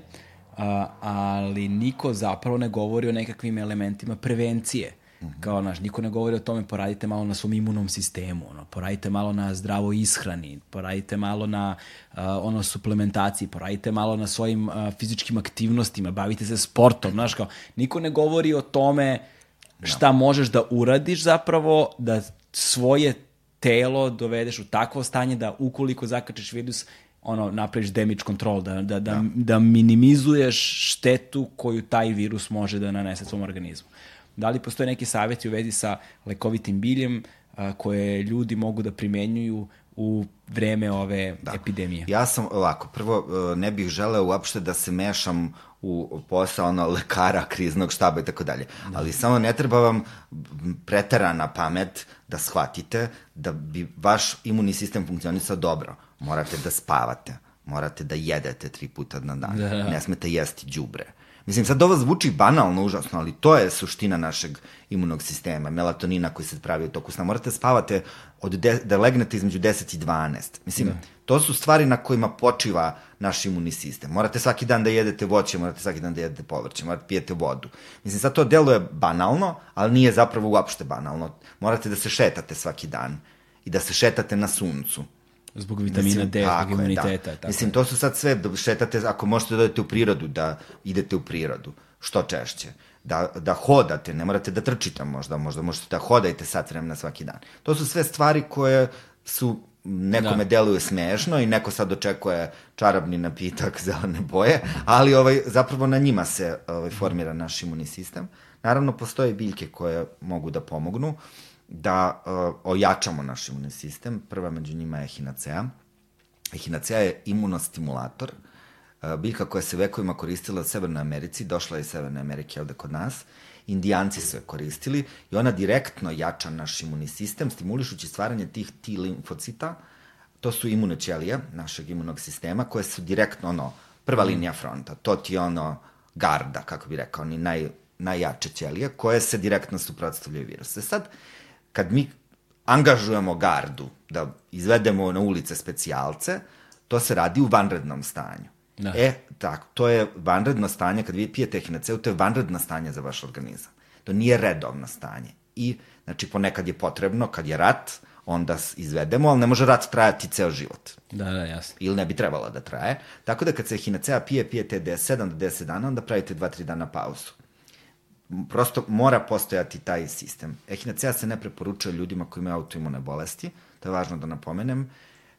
Ljudi koji imaju problem sa Hashimotom, ovim reumatoidnim artritisom, alergijskim rinitisom, znači lupusom, multiplom sklerozom, ne koristite echinaceu. Za njih je bolje da koriste neke imunomodulatore i antiseptične biljke, kao što su vranilova trava, majčina dušica, koje deluju na, i na bakterijske i na virusne infekcije. E, antivirusno delovanje e, imaju zova, kleka, matičnjak, kantarion. Kad kažem antivirusno delovanje, ne znamo je se javio virus koji je nama potpuno nepoznat, mi ne znamo da li on kako se biljke ponašaju prema njemu, ali imamo neko iskustvo na osnovu koga mi možemo da tvrdimo da ako deluje na virus gripa, ako deluje na virus herpesa, ako deluje na druge koronaviruse, da. velika je verovatnoća da će delovati na to. Mi nemamo naučno istraživanje, ovo što ja sad pričam nije potkrepljeno nekim istraživanjem, ali ovo sve se dešava u proteklih godinu dana, niko nije mogao da se bavi tim istraživanjem da. i bavili se nekom drugom vrstom istraživanja, ali na osnovu našeg empirijskog znanja i na osnovu naše neke jel, poznavanja pa in, intuicije koja ide iz tog znanja, možemo da kažemo da su to biljke koje su dobre da ih ljudi piju preventivno. Na prvi znak uh, kašlja upale pluća ja bih počeo da koristim oman, To je jedna biljka inula helenium, ovaj, vrlo interesantna i vrlo dobra, koja se vekovima u našem narodu koristi protiv upale pluća. Ja sad e, nekako imam utisak kada ovo pričam da se malo vraćam ono u srednji vek, šta se, ali mi smo u srednjem veku, ne znam da li ste to primetili. Mi smo, bukvalno smo sad u, u srednjem veku, gde mi zapravo religijski posmatramo na nauku. Da. To je jedan neverovatan fenomen, jer je ovaj, to je zapravo taj odnos prema religiji New Age je bila tema moje magistarske teze. Ja sam magistrirao na teoriju kulture, mi zapravo sad imamo jednu nevrovatnu situaciju da smo potrli osnovu nauke i religijski pristupamo nauci. Svi smo mi reli, homo religiosusi, religiozna bića, sad to da li pripadamo nekoj religiji ili ne pripadamo, da li smo verujući ili nismo, to je sad druga stvar, ali religijski čovek u nama postoji. Čovek koji ima potrebu da nečem, nešto veruje i sad da li je to verovanje zasnovano na racionalnom ili na nečem da. iracionalnom, to je sad duboka tema da ne ulazimo u to, ali koristite ove biljke preventivno obavezno. Ja bih preporučio svima da koristi propolis, to nije biljka, to je smola koju pčele koriste za dezinfikovanje svojih košnica, koja je u stvari zapravo pravljena od balzama i smola iz raznih biljaka i deluje izuzetno antiseptično. Ja vam preporučujem i sa ti najobičniji alkoholni rastvor propolisa sa prskalicom, jer vi zapravo na tom otvoru, na tom kanalu na kom virus može da uđe ustima, ga dezinfikujete. Da, da. Da. Tako da to bi bile neke ovaj, osnovne smjernice i naravno sve to pazite se, mislim, koristite preporuke. To je to, matičnjak, onaj što ima koren koji jako lepo miriše. Ne, to je iđirat. Iđirat, Što smo da, ga našli u zasavici, na to misliš? Ne u zasavici, nego smo bili... Um, ne, matičnjak se ne koristi koren, nije ne. sigurno matičnjak. Dobar, matičnjak ali, miriše ali, na limun. Na limun, da, da, da. Aha, da, na da. limun da, da. izuzetno ima se zove još... Nana isto. Da, ima i divlja nana. Matičnjak se zove limun trava, ali to nije onaj lemongrass iz ovaj, tajlandske kuhinje, e, nego... Ovaj... Na, u istočnoj Srbiji smo bili, baš tamo na obodu Karpata, kad smo tražili beli bun. A pa sam vadio koren. Koren, da. A ne, to je kopitnjak. Kopitnjak, tako da. je, da. Kopitnjak je napuštena biljka, ona nije u modi. Ovaj, koristi se nekad protiv tuberkuloze kao zamena za ipekakoanu, jer je uh, emetik, izaziva i povraćanje i tako koristi se kao narodni lek za bubrege, šećernu bolest, ali ovaj, uglavnom je napušten ili ima bezbednijih i uh, E, biljaka sa manje štetnih efekata od njega, ali koran miriše predivno. Tako je, to je to, to je taj. To je to, uh, završili smo, uh, nastavit ćemo pijemo ovaj apsin sad kada se ugase kamere. Da, ovaj, ja neću. Da. Gledalcima da kažem ja ne. I to je to, hvala, hvala ti puno, hvala vam puno svima, ne zaboravite subscribe, na, ako vam se dopada, lajkujte, šerujte sadržaj, ukoliko vam se dopada sadržaj koji proizvodimo, zaista bi nam značilo da dođemo što većeg broja ljudi. I naravno ukoliko želite podržite naš kanal, to možete da uradite jednokratnim donacijama preko Paypala i mesečnim pretplatama preko Patreona, postajem sve bolji u ovome, ne zaboravljam više, hvala vam puno, to je to, završili smo, ćao.